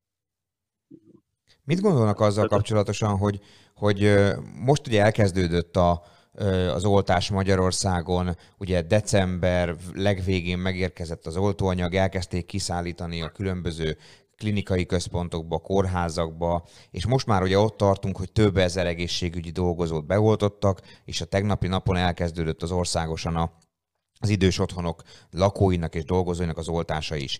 Ugye ennek kapcsán folyamatosan emlegetnek oltási tervet, az ellenzék azt mondja, hogy a kormánynak ilyenje lényegében nincs is, vagy ha van, az még nincsen teljesen kidolgozva. A kormány azt mondja, hogy teljesen tudatosan és következetesen csinál az oltási tervnek megfelelően mindent. Eddigi hírek, információk alapján, ami jelenleg Magyarországon eddig történt, és ami, amiről lehet tudni, hogy fog történni, azzal kapcsolatosan önnek mi a vélemény? Ez így rendben van, jól zajlik ez, szervezett, rendben, megfelelő tempóba, időbe. Önök hogy látják ezt a helyzetet? Hát ezt most akkor kezdeném én. Igen. Uh, tehát uh, uh, egy oltási tervnek anna, abba az akkor működőképes, ha abba minden szereplő tudja a saját feladatát. Tudja az orvos, tudja az asszisztens, és tudja a oltandó páciens. Na most itt ezzel ezt én nem látom. Én valamikor a, egy oltási tervnek a elkészítését és annak a, az előkészítését valamikor februárban, mond, uh, áprilisban mondtam a klubrádióba, hogy már most el kell kezdeni, mert akkor lehet egy sikeres átoltási programot végrehajtani, ha arra a lakosságnak a fogadókészsége megvan.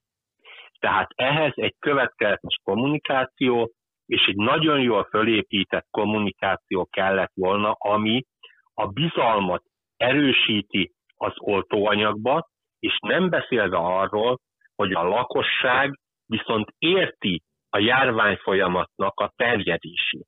Tehát, hogy hogy lehet egy járványt megakadályozni. Nem véletlen az, hogy az alacsonyabb műveltségi szintűek között sajnos a védőoltás ellenzés, hogy úgy mondta, hogy nem oltatom be magam, majd várom, hogy a szomszédom meghal-e, és ha nem, akkor majd én is beoltatom magam. Ez sajnos a tudatlanságnak egy bizonyos uh, jele. Tehát az a baj, hogy ezek az oltási tervek, hát most érik föl, hogy melyik háziorvosi rendelő alkalmas védőoltásra. Itt figyelembe kellene venni azt is, hogy most tél van, és tél közeled. Tehát a házi orvosok jó, lehet, hogy alkalmas a védőoltásra, de akkor pontosan kell tudni idézni neki, hogy ki hány órára hova menjen, és ugye mivel az oltóanyagnak a disztribúciója nem a legegyszerűbb dolog ennél a mínusz 70 és mínusz 20 fokon való tárolás miatt, tehát ezt megfelelően időbe kell tudni odaszállítani. Na most nem véletlen az, hogy Nyugat-Európában és több helyen sportcsarnokokat használnak erre föl, mert ott a távolságtartás, tehát az alapvető higiénis szabályoknak a betartása tömegoltásnál is betartható. Háziorvosi rendelőnél, ha az utcán állítom sorba az embereket mínusz 20 fokba, hát ki fog oda elmenni? Igen, ez nekem is eszembe jutott. Tehát ezt mind figyelembe kell venni. Az más kérdés, hogy tehát én hát a szavazó helyiségeket, hogy őszinte legyek, nem tartom nagyon jónak az oktatás mellett, hogyha ott van, mert a szavazó helyiségek döntő többsége iskolában van. Na most az iskolába folyik az oktatás, ugye? Hát a gimnáziumokban nem, tehát a középiskolákban, de a, az alapfokú oktatás folyik. Oda beszervezni embereket oktatás mellett nem tartom valószínűsnek, hogy meg lehet oldani. Az oktatást fölfüggeszteni, mivel itt nem egy-két napról van szó, ugye? Mert ez egy aránylag hosszú folyamat. Hát annak idején, amikor a H1N1 ellen volt a, a védőoltási program, ott három millió embert valamivel több mint öt hét alatt sikerült beoltani, és abban minden házi orvos részt vett. És nem voltak ilyen bonyolult szűrtési feltételek, de ez akkor is egy rettentő időigényes dolog. Tehát ezt nagyon jól elő kell tudni készíteni, nagyon pontosan, és ahhoz, hogy ez flottul menjen, minden szereplőnek tudni kell benne a, helyét és a szerepét. És arról nem beszélve, hogy ugye itt be lett lengetve az, hogy a, a védőoltási igazolás esetleg mint egy dokumentum is kísérni fogja az embereket. Na most ebbe az esetben amit jogosnak tartunk itt többen, de biztosítani kell a pontos adminisztrációt, hogy ne lehessen oltási bizonyítványt hamisítani senkinek. Ennek a feltételei adottak, egy nagy kérdőjellel uh, teszem meg. Milyen formátum? Számozott formátum? Ki kezeli? Uh-huh. Tehát én több mindent nem látok belőle, belőle gyakorlati szempontból, hogy ezt, hogy ez már most úgy van kitalálva, hogy ezzel fog zajlani. De létezik az, hogy ez ki van egyébként találva, csak valami oknál fogva nem hozzák nyilvánosságra, vagy egész egyszerűen arról van szó, hogy, hogy, hogy valamilyen oknál fogva váratlanul érhette a kormányzatot ez a dolog, és egyszerűen nem készültek fel rá időbe. Önök mit, mit gondolnak valószínűbbnek? Én nem vagyok kompetens ember, úgyhogy úcsai. Hát uh, én uh, azt hiszem, hogy ez uh, hát nincs kellően előkészítve, nincs kellően átgondolva.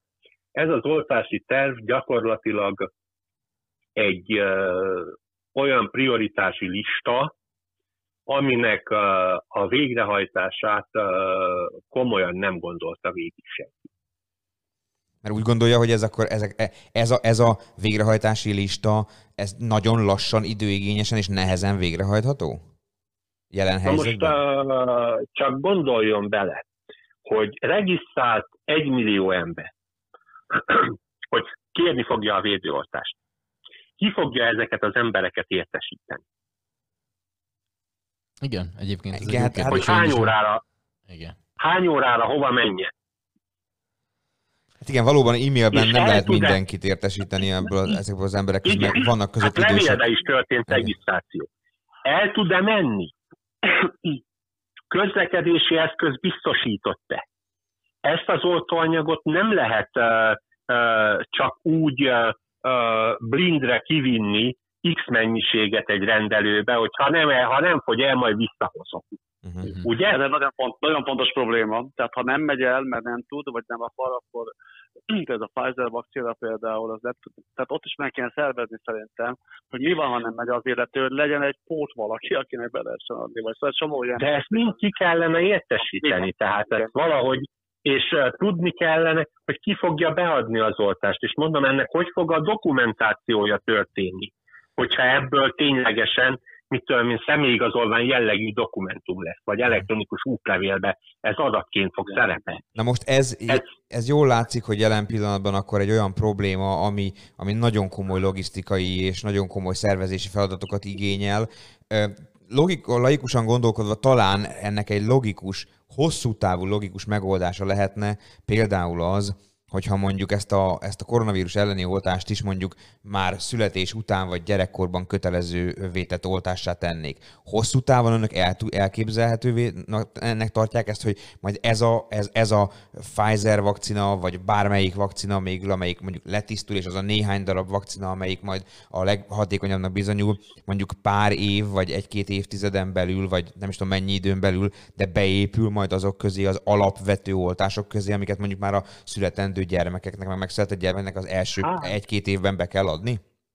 Ezt én, uram, gyakorlati oldalról közelíteném meg elsősorban, ehhez még rengeteg tapasztalatot kell gyűjteni. Meddig tart a védelem, ha a gyerek kapja. Gyerekekre még egyáltalán nincsenek uh, szerintem uh, a, a kísérletek se megcsinálva, uh, tehát nem csinálták meg hogy mennyi ideig véd, hogy véd, hogy alakul ki az immunitás. Tehát ez, ez hosszú távú uh, tudományos kutatásnak az alapja lehet, az én megítélésemben. A másik dolog az, hogy velünk marad olyan vírus, vagy nem. Tehát ugye az embernek Igen. van már három másik, tehát a koronavírusa is, ami amilyen influenza tüneteket okoz, de talán pont, ez, pont ez a lényeg neki, ezért tud köztünk maradni, hogy nem alakul ki olyan, olyan erős immunitás ellenít, hogy megvédjen a, a következő őszi vagy téri fertőződéstől. Tehát egy nagyon nagy kérdés, hogy mi történik ezzel a vírussal. Tehát, hogyha fenntartja ezt a fajta virulenciáját, akkor az elképzelhető, hogy nem fog köztünk maradni. Viszont, hogyha egy olyan fajta mutációs sorozat lesz, ami legyengíti, mert igazából ezek a, ezek a náthaszeri koronavírusok is valószínűleg komolyabb tüneteket okoztak korábban még az emberiségnél, hogyha egy ilyenfajta evolúció bekövetkezik, akkor velünk maradhat, de akkor azt mondja az ember, hogy nagyon kit érdekel. Ha viszont, viszont ilyen influenza-szerű járványok lesznek, amik felfellángolnak, főleg szintén az ilyen őszi periódusokban, akkor hát igen, akkor a vakcinák szerepe az, az, az, az, érdekes. Akkor valami nyilvánvalóan. Na most akkor vi- visszakanyarodva a leges-legelső kiinduló pontunkhoz, akkor összefoglalva itt röviden az elhangzottakat, akkor az kijelenthető, hogy nyilván nagyon fontos az, hogy minél többen, minél gyorsabban vegyék föl ezt, a, ezt, az, olt, ezt az oltást, alakuljon ki a védettség a társadalom ezek szerint legalább 60%-ában. Ez kell ahhoz, hogy, ez kell ahhoz, hogy meglegyen a, meglegyen a, a, a nyáimmunitás, és ezek szerint viszont az igaz, hogy ameddig a nyáimmunitás ki nem alakul, tehát ameddig a járványhelyzet nem alakul úgy, ö, addig ö, az egy potenciális veszélyforrás lehet a továbbiakban is, hogy még egy, még egy oltott ember is technikailag át tudja vinni a fertőzést egy nem oltottba, tehát a maszkviselést és a távolságtartást azt egészen addig, ameddig a nyáimmunitás ki nem ö, alakul, ezeket, valamint ezeket a legalapvetőbb korlátozó intézkedéseket fenn kell tartani. Ezt, ha így, ezt így összefoglalva veszük, akkor ez így nagyjából kijelenthető, ha jól értem. Szerintem ki, így az kijelenthető, igen. Szerintem ez az összefoglaló is korrekt volt. Így, Igen. korrekt volt Amíg teljesen. Tart, amíg tart az oltás, addig mindenképpen, amíg nem alakul ki a nyári immunitást, nyilván mindenképpen ezt be kell tartani, azt gondolom. És még egy dolgot, utána pedig ezt a fertőzést, tehát ezt a koronavírus járványt nyomon kell tudni követni. Tehát a lakosságnak tudni kell, hogy hol, hol üti fel a fejét, és ott a megfelelő védekezést helyileg meg kell tudni oldani. És Igen, komolyan kell venni. Pontosan. No, hát itt a beszélgetésünk végén akkor már csak egy, egy picit könnyedebb, de ide kapcsolódó kérdésem lenne mindkettőjükhöz. Ugye nagyon sokat beszéltünk itt az oltásról, Pfizer, BioNTech vakcina, nem lehet kikerülni Karikó Katalin nevét, akivel kapcsolatosan felmerült az elmúlt napokban, világhírű tudósok is emlegették, hogy, hogy az, amit ő ezzel a vakcinával, vagy ennek a vakcinának az alapját jelentő technológiával letett az asztalra, az Nobel-díjat érdemelhet. Önöknek a, ugyanakkor nyilván önök tudós emberek, de ugyanakkor a személyes véleményükre is kíváncsi vagyok. Mit gondolnak erről? Önök reál, látják realitását? Nyilván magyar emberek vagyunk, nyilván szurkolunk ennek, hogy esetleg ez, ez reális legyen, de látják realitását, hogy mondjuk ez a jelen helyzetben, ez, a, ez, a, ez, a, ez amit ő a, ebben a technológiában letett az asztalra, ez, ez egy Nobel-díjat érhető dolog lehet? Hát ugye a messenger alapú ö, vakcináknak ő az atya, vagy mivel földről van szó az anyja, hogy így mondjam, és tehát három ilyen vakcina is van legalább, hogy a Pfizer vakcinája, Modernáé, és ugye a- az a CureVac is ilyen messenger alapú, ebből is rendeltünk egyébként. Hogyha ez fogja jelenteni a- az emberiség számára a megoldást, akkor nem is egy Nobel-díjat kell neki adni, nem lehet, hogy a béken Nobel-díjat is a tudományos orvosi mellé. Igen, tehát abszolút, abszolút. Mindenféleképpen, főleg azért ugye, hogy ez egy új technológia, Így van. és uh, ha ez sikeres, akkor uh, ugye ez nagy kapukat nyit uh, a további vakcinafejlesztések irányába is. Abszolút. Abszolút. Ez, ez egy jó végszó, tehát nem csak a koronavírusra lesz jó, hanem másfajta betegségekre, sőt lehet, hogy nem csak, já, nem csak fertőző betegségek, hanem másfajta is. Igen. No, hát nagyon szépen köszönöm akkor, ha ez egy jó végszó volt, én mi is így érezzük. Nagyon szépen köszönjük, hogy, hogy itt ö, mindezt elmondták nekünk, és a vendégeink voltak. Én már, csak, én már csak a diszkóban csókolózó lánynak az otthon maradt félre miatt aggódok egy picit, de ez, a, ez már mindegy is. Nagy, nagyon, nagyon bízunk benne, hogy, bízunk benne, hogy mielőbb sikerül elérni ezt a vágyott nyári immunitást, és hát abba is nyilván, hogy Karikó Katalin pedig majd megkapja ezért a, az összes létező díjat, amit megkaphat és amit megérdemel. Köszönjük szépen, hogy itt voltak velünk ebben az adásban. Köszönjük szépen. Köszönjük. Köszönjük Minden jót, viszont hallásra. Mindegét, visszhal, visszhal, köszönjük. Na, hát azért ez nagyjából így helyre tettünk egy-két dolgot, itt most megint. Hát igyekeztünk, Igen, de hát tehát, hogy, igen, tehát nekem is az, amit közöm, csak nem akartam már túlhúzni, mert, mert azért mégiscsak ők ö, beszélnek, hogy tényleg ez, ö, ezen én is filóztam, mert hogy ugye volt már arról szó, hogy megvan a terv. Aztán utána kiderült, hogy nincs terv. Aztán most már nem, nem, nem igazán tudtam ezeket a kommunikációt. Tehát alapvetően a kommunikációval nekem problémám. Közben, miközben itt beszéltük ezt, és hogy ez az információ például nem tudom, hogy mennyi embernek van meg, hogy amiről most beszéltünk. Én nagyon remélem, hogy ezt a podcastet sokan fogják igen, hallgatni. ezután és- sokaknak meg lesz bizony. Igen, de hát hogy, tehát, hogy ez egy mínusz 70 fokon tartott valami, és amikor már egyszer azt kiveszed a mélyhűtőből, és fölolvad, vagy fölenged, akkor onnantól kezdve vannak, van egy bizonyos ide, még benne nincs adva, utána kuka az egész. Tehát, hogy ez például nem tudom, hogy mennyi ember tudja, hogy ez azért van, mert ez, tehát, hogy lehet, hogy azért oltanak be kevesebb embert, mert hogy ez, ennek van egy Igen. ennyi ideje. Tehát, hogy ezeket az információkat én például a koronavírus.gov.hu-n meg a vakcina információn nem találtam meg. Hát sok minden ne, nem Na, lehet tehát még... nekem, nekem az lenne a legegyszerűbb, hogy ezt ilyen folyék egyszerű hülyéknek, mint én vagyok, azok is megértsék ezt. Tehát, hogy ezt így le van, le van írva három mondatba. Így van, hogy Érted? ezért vagy, egy ilyen, ezért, vagy egy ilyen ábrán Aha. lerakva, hogy neked azért kell ezt így csinálni, vagy mit tudom én, azért legyen ott, és a másik, amit beszéltünk így a terv kapcsán, hogy tényleg, tehát akkor van egy, mit tudom, egy sportcsarnok, van egy katonai létesítmény, tök mindegy, oda embereket úgy berakosgatni, hogy az ott jó legyen, és akkor minél többet tik-tik-tik-tik-tik tudjad oltani, haladjon, pörögjön, tényleg ne egy, egy, egy házorvosi rendelőnél kell, kelljen ott Így állni van. mindenkinek meg. Tehát nekem is ez egy ilyen kérdőjel. Így van. Hát Hát, és, biztos, hogy vannak erre okos emberek, logisztikusok, ki fogják ezt majd találni. hát bízunk benne, Nagyon meg hát, meg hát ugye, ha, Mert ha, mennék inni. ha ne... Gondoltam, hogy gondoltam, hogy ez van a Köszönöm, háttérben. köszönöm, nagyon kedves vagy. Igen. Szóval, hogy én arra, gondol, arra gondoltam, hogy egyébként, ha azt nem is lehet ö, kötelezővé tenni egy csomó-csomó dolog miatt, hogy, ö, hogy azok, akik felnőtt emberek és saját maguk dönthetnek az életükről, azoknak kötelezővé legyen téve a vakcina beadása vagy, bead, vagy felvétele, de ha más nem, azt legalább igen, hogy aki regisztrál, és aki azt mondja, hogy igen, én szeretném kérni ezt a vakcinát, annak a megadott időpontban, a megadott helyen, akkor jelen, meg is kell jelennie. Jó, nyilván, hogyha időközben esetleg szerencsétlen mondjuk meghal, akkor nem. De hogyha, akkor nem kell kötelezővé tenni. De hogyha esetleg bármilyen dolog áll elő, nyilván előállhat olyan, ami nem tud elmenni. De hogy azért, hogy azért ez legyen egy, egy, egy, mit tudom én, ahogyan büntetik azt, hogyha nem veszed fel a maszkot, akkor ha, ha nincs megfelelő indokod arra, hogy hát én egyébként jelentkeztem erre a vakcinára négy hónapja, most megkaptam az időpontot május 16-ra, de május 16-án mutatják be a kedvenc szuperhős filmet a moziba, a francba nem megyek el, nem inkább beülök megnézni az X-Men 86-ot. Tehát hogy nem.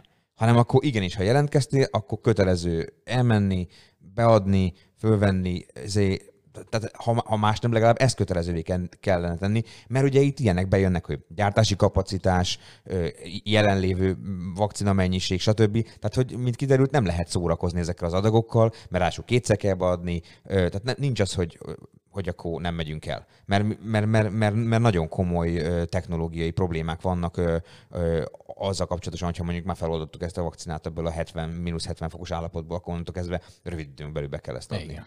Be kell ezt adni. És hát be is adták például, micsoda átkötés, be is adták ezt például egy ex-kollégának, Bánkuti Ábel kollégának, aki Szeged Televíziónál egy időben sportriporterként is dolgozott, és ő azok közé, azok közé tartozik, akik a mai napon, tehát néhány órával ezelőtt felvették ezt a vakcinát. Ő egyébként, mint egyébként egészségügyben dolgozó, eredeti, tehát főállását tekintve egészségügyben dolgozó, vagy egészségügy környékén dolgozó illetők jogosult, lett jogosult arra, hogy felvegye ezt, mert egyébként egy fiatal emberről van szó. És hát ő, ő, ő ezt megkapta, ma délután egyébként így lelkesen rám is írt, hogy még jó vagyok, még minden rendben van, és akkor gyorsan meg is beszéltük fel, hogy akkor ezt ugyan már itt az adásban is mondja el nekünk, hogy akkor ez hogyan zajlott ez az egész, és mi történt, és, és milyen volt ez. Úgyhogy őt fogjuk még most itt az adás végén felhívni néhány gondolat erejéig. Na, hívjuk is fel. És már hívom is. Megkérdezzük arra, hogy nem találkozott azzal a lánynak, és már volt egy. Nem hallotta Szóval- ugye ezt az adást, úgyhogy, úgyhogy eddig még, úgyhogy ezt Ez nem, valószínű, nem, tudja. fogjuk tőle megkérdezni. Na? Jó estét, sziasztok! hello. Hello, hello, hello, szia, Elkezdődött, elkezdődött már? Hát tudod, van, egy, ilyen- van egy ilyen indokolatlan kérdéssor, amivel én így készülök mindig, és amikor fölhívunk valakit, akkor azt így bedobom, és nem azt tudja, mit mit kell válaszolni, úgyhogy ez miatt nem aggódj. Amikor felhívtuk az Ábelt, hogy leteszteljük a vonat még az adás előtt, akkor én azt kérdeztem tőle, hogy kinőtte már a harmadik feje. Azt mondta, hogy már azt, vagy a második, és azt mondta, hogy már a harmadikat növeszti. Na, komoly, komolyra fordítva a szót, hogy érzed magad? Ugye én már elmondtam itt a hallgatóknak, hogy te néhány órával ezelőtt, körülbelül öt órával ezelőtt kaptad meg a, a vakcinát. Mi a helyzet? Hogyan zajlott ez? Mi volt ez az egész procedúra? Hát egészen pontosan négy órája kaptam meg. Egyelőre jól vagyok, köszönöm. Egy kicsi fáradtságot értem, amit mondtak, hogy ez lehet az általánostól egy picit nagyobb fáradtságot lehet érzékelni, vagy, vagy érezni. Ez nálam is most, most ütött be szerintem egy olyan fél órája, három-négy órája.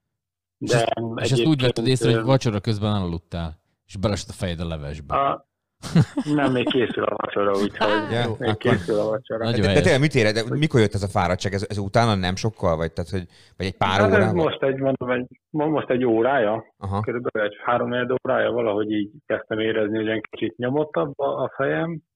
Tudod, mikor így nagyon, nagyon kimerült egy nap végén, de egyébként, egyébként semmi más. A karom, ahova kaptam az oltást, ott egy picit érzem, de hát ugye izomba szúrják ezt, úgyhogy, úgyhogy az természetes, hogy az is ott lesz mondjuk egy napig, de, de utána nem, nem, szerintem utána nem várható már semmi, úgyhogy egyelőre, egyelőre úgy tűnik, hogy komolyabb mellékhatás nélkül megúszom ezt.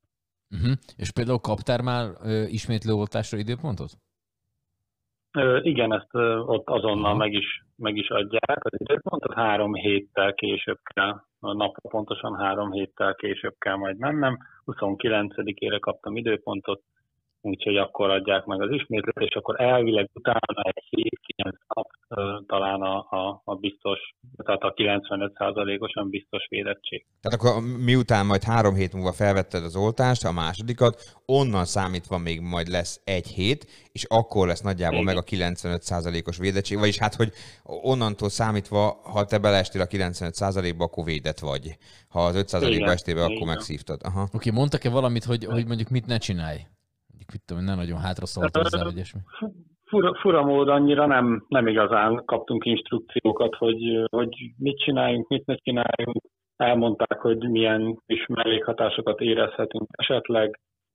Ezt mondták, hogy a kar kicsit fájhat az oltás helyén, pici hőemelkedés lehet, esetleg ez fáradtság, de mondták, hogy nagyon ritka esetekben előfordult, hogy valaki kicsit belázasodott, de egyébként, egyébként ennyit mondtak, nyilván itt a, lehetett olvasni a médiában, hogy minden százezerik ember anafilaxiás sokkot kap, tehát lesz egy ilyen allergiás rohama.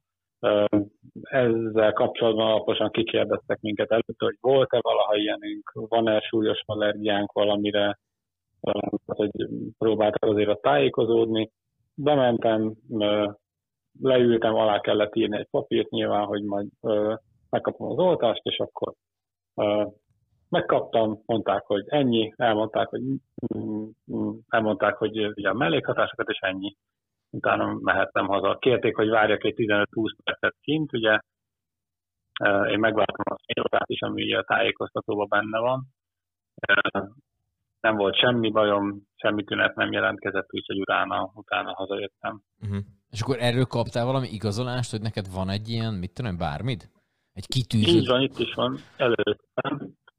Azt mondja, hogy egy, megkaptam egy ambuláns kezelőlapot, illetve kaptam egy ilyen kártyát, oda van tűzve a kezelőlaphoz, amire majd ugye rögzítik a második oltást is, és akkor ez lesz az igazolás arról, hogy, hogy te oltott vagy, hogy te védett De ez vagy. egy, ilyen, ez egy ilyen plastik kártya? Vagy ez mit, olyan, Nem, ez egy, ez egy papír, ez egy papír, mondjuk egy ilyen kis boríték méretű papír, Aha, de hogyha mondjuk, mit ilyen vizes... keményebb kartonpapír. Ja, értem. Tehát ha vizes kézzel fogod, meg akkor is ép, épségben marad. Aha. Aha, aha. Hát érdemes, érdemes azért, igen. de Nem, nem, mert Norbi mindig. Norbi mindig papírokat vizes kézzel fogdos, csak azért Épp, kérdeztem. csak ezért kezdem. Igen, meg az jutott eszembe, hogy még mit mondhattak neked, hogy mit ne csinálj mégis. Azt is mondták mondjuk, hogy a Szeged Podcastben ne nyilatkozzál délután, mert az, egy, az, az, az, benne van, hogy mit nem szabad csinálni. Na de komolyra fordítva, ö, ö, akkor semmi olyan dolgot nem mondtak, ami a, a hétköznapi életedben most az elkövetkező napokban, vagy órákban, vagy bármiben hátráltatna. Tehát hazamentél, és ugyanúgy tudod élni tovább az életedet, mint Vezethetsz, mit tudom, Mindent mindent, csinálhatsz. Elvileg, elvileg igen, elvileg nem korlátozták. Hát olvasni lehetett róla, nem tudom, hogy ez mennyire igaz, vagy mennyire kell ezt betartani, hogy ugye alkoholt három napig nem nagyon javasolt fogyasztani nagyobb Jézus. mennyiségben, de hát Akkor te bajba vagy, hogy Akkor te bajba Hát igen, igen, ez, igen, így, így Átérzem, kicsit, átérzem. Kicsit izgultam is.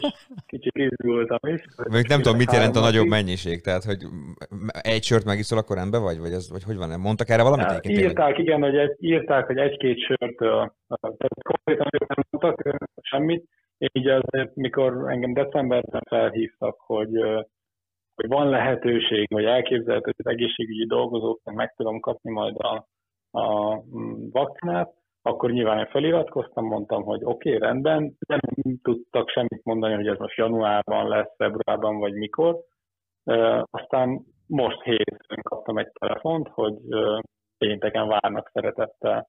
Úgy volt, hogy én most Pestre utazom, de mondtam, hogy nekem nem igazán lenne jó, mondták, hogy hát akkor ebből a körből most kimaradok, úgyhogy akkor nyilván lemondtam a pesti utamat, és elmentem akkor erre a védőoltásra. Most az elmúlt négy napom azzal telt, hogy utána olvastam, rengeteget olvastam a témában, pro és kontra, és de hát igazából az orvos kollégáimnak a véleményére adtam a leginkább, őket is elég alaposan kikérdeztem, és ők azt mondták, hogy, hogy érdemes mindenképpen oltatni. Valószínűleg az egészségügyi dolgozóknak ők arra számítanak, hogy kötelező is lesz majd egy idő után, és azt gondolják, hogy talán ez a Pfizer-es vakcina a leg, legtöbbet tesztelt, és ez a legmegbízhatóbb, úgyhogy ők azt gondolják, hogy ez az, amivel érdemes beoltatni magát az embernek. Uh-huh.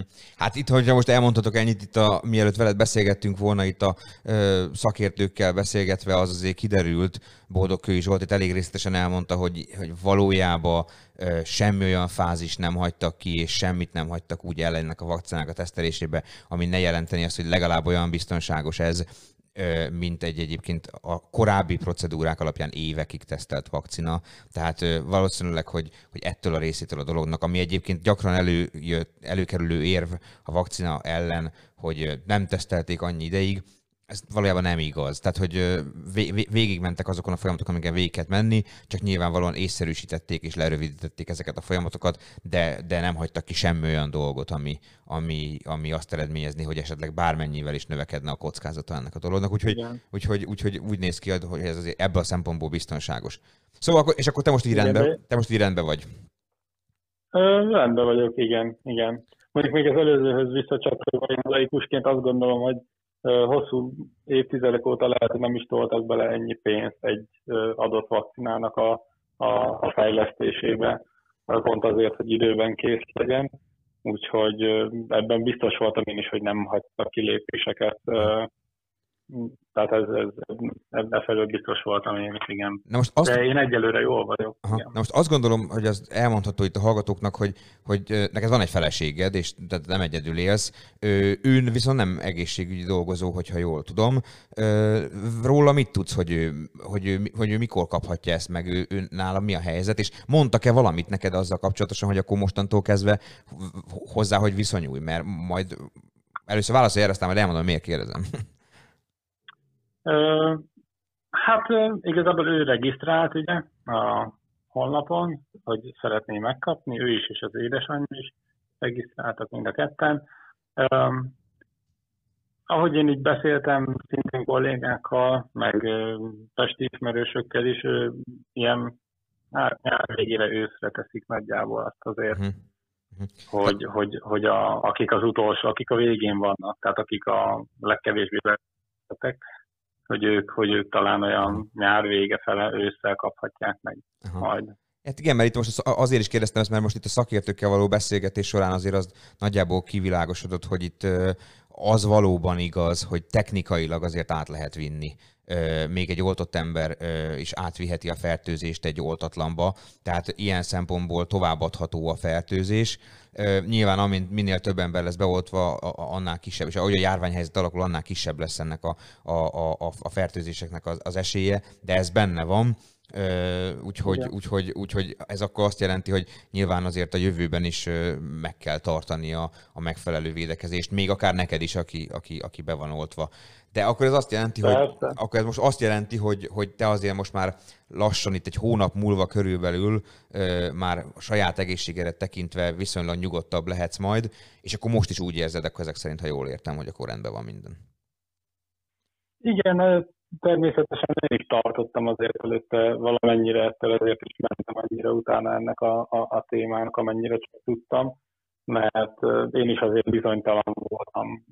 Ugyanúgy lehetett hallani negatív dolgokat erről az egészről, lehetett hallani nagyon pozitív dolgokat, ezért mentem utána, hogy, hogy nagyjából biztos lehessek benne, hogy, hogy nem ártok ezzel magamnak. És én egyelőre most így pár órával később egyelőre nem érzem azt, amivel rivatták az embereket, hogy ú, azonnal rosszul lesznek, meg ilyen roham, meg olyan roham. Tehát, hogy én egyelőre teljesen jól vagyok. Akiket ismerek és beoltottak, mert ők is 20-30-an vannak, nekik sem volt semmi. Egy pici fájdalom, pici fáradtság, de semmi más tünetük nem volt nekik sem. Mhm. Egyébként hova kellett menned itt Szegeden? Hol volt ez a hely, ahol, ahol megkaptad az oltást? Hát én az egyes számú rendelőintézetben, vagyis az STK-ban voltam, Aha. Oda, kellett menni, ott van az egyik oltóközpont, a másik így a bőrklinikán hivatalosan, úgyhogy itt így beosztják, mert ugye minket fölírtak Sok, előre. sokan voltak egyébként? Sok ember volt ott? Vagy so, te sok, sok, sok, sokról tudsz, akit ma beoltottak? Vagy so, te sok emberre találkoztál? Ö, hát egyszerre mentünk a kollégákkal mondjuk olyan nyolcan, és akkor voltak, voltak is előttünk, tehát míg én ott voltam, ez másfél órát azért kellett várni, mert hát folyamatosan oltottak, de folyamatosan jöttek, mentek az emberek. Ott azért egy 30 ember biztos ott volt 30-40, és akkor volt az ugye délelőtt, tehát reggel 8, vagy reggel 7-8 óra óta voltanak, tehát minden nap reggel 7-től ilyen délután 5-ig talán. Nem akarok nagy butaságot mondani, de szerintem így. Uh-huh. No, hát Ábel, köszönjük szépen, hogy, hogy ezeket elmondtad, és akkor hát bízunk benne, hogy a következő napokban sem lesz uh, már semmi probléma, három hét múlva pedig minden probléma nélkül megkapod a következőt, és akkor meg lesz majd ez a védettség. És figyelj, két-három nap, és már annyi sört ihatsz, amennyit akarsz. Igen. Úgyhogy. A- ad- Addig gyűjtöm őket, igen. igen, Nagyon addig, helyes, tedd nagyon félre, amit addig meginnál. Na, nagyon szépen köszönjük. Köszi szépen. Köszönjük, jó egészséget, hello. Jó hétvégét, ciao. Hello. Én is köszönöm, én is köszönöm. Sziasztok! Ciao, ciao, hello. Ciao. Na hát, Na hát zajlik ez, zajlik ez. A fene gondolta volna, ez milyen jó, STK-ba. milyen jó, hogy szeptember. ez, Igen, tehát, mondom, ez így, de, látod, tehát, hogy őt beoltott, hát jó, hát igen. meg De, milyen kellemetlen lesz, gondolj bele a nyáron strandon, ezért a maszkba. De majd tudod úgy, hogy az Ábel már, már, már maszk nélkül a feleségének meg maszkba. Maszkba Nem, nem, az. Ábelnek is maszkba kell majd, hogyha Igen, ha addigra nem lesz meg a, ö, nem lesz meg a nyári immunitás. De hát bízunk benne, hogy azért itt a pár adással ezelőtt megszólaló Duda Ernőnek lesz igaza, aki azt mondta, hogy azért itt nyár elejére már hozzátette persze, hogy ha elég ember fogja felvenni a Igen. vakcinát, tehát magyarul a kormányzatnak abban nagy felelőssége van, hogy el kell tudni érni azt, hogy sokan vegyék fel a vakcinát, akkor így nyár elejére már talán ez kialakulhat, és meg lesz az a mennyiségű beoltott ember, ami, amire már lehet alapozni azt, hogy tényleg visszatérhessünk a normális élethez. Hát nagyon reméljük. Hát bízunk benne. No, van. hát el is szaladt szépen. az, el is szaladt ez az Ez a- adás. ez a másfél ez a, óra. ez, a, ez, a másfél, ez a másfél óra. Csak úgy, csak úgy hozzáteszem, hogy a, hogy a szakértő urakkal való egyeztetéskor abba, abban maradtunk, hogy hát egy fél órát beszélgettünk, de majd kiadja magát, de ők, ők, ők, ők, ők lelkesek voltak, és úgy voltak vele, hogy nagyon szívesen beszélgetnek rá, egymással is, úgyhogy, és ezt mint hallottuk, ez azt hiszem össze is jött, úgyhogy ilyenkor, hála Istennek azért ez a podcast műfaj, ez lehetővé teszi, hogy nem kell se reklámidőhöz, se semmi egyébhez igazodnunk, úgyhogy beszélhettünk velük majd több mint egy órát, azt hiszem. Úgyhogy azt gondolom, hogy azért legtöbb alapvető kérdésre sikerült választ kapni. Arra nagyon büszke vagyok, hogy a végén megkaptam, a, hogy, hogy korrektül sikerült összefoglaljam röviden a, a, a dolgot. Igen, akartam is mondani, hogy ne, nagyon- ne nagyon adjanak a rád lovat, de hát majd, majd, is. majd megjelöljük valahogy az adásba ezt a pontot, aki, aki csak a tömör lényegre kíváncsi, az ezt hallgassa meg. Nem, meg kell hallgatni a, a, a szakértőket, mert, mert, mert, mert ők a hiteles forrás, és nagyon sok nagyon érdekes dolgot mondtak el, és nagyon sok érdekes kérdést vetettek még fel, rengeteget lehetne még erről a koronavírusról beszélni, ennek egy csomó oldaláról, akár jogi, akár erkölcsi, mindenféle oldaláról ennek a dolognak. Valószínűleg fogunk is még, tehát ez sajnos olyan gyorsan biztos nem fog eltűnni ez a járvány, hogy még ne kerüljön szóba. Most talán a következő néhány hétben itt a Szeged Podcastben nem, ezek lesz, nem ez lesz újra a téma, de hát a fene tudja, hogy hogyan alakul az életünk, mert ugye azt meg már megbeszéltük, hogy sajnos egyelőre kiszámíthatatlan pályán mozgunk. Igen, úgyhogy ez van. Oké. Okay. Na, hát kellemes köszönöm hétvégét szépen kívánunk mindenkinek, és akkor jövő héten jövünk. Így van, így van. Köszönöm mindenkinek. Hello, hello, sziasztok! Hello.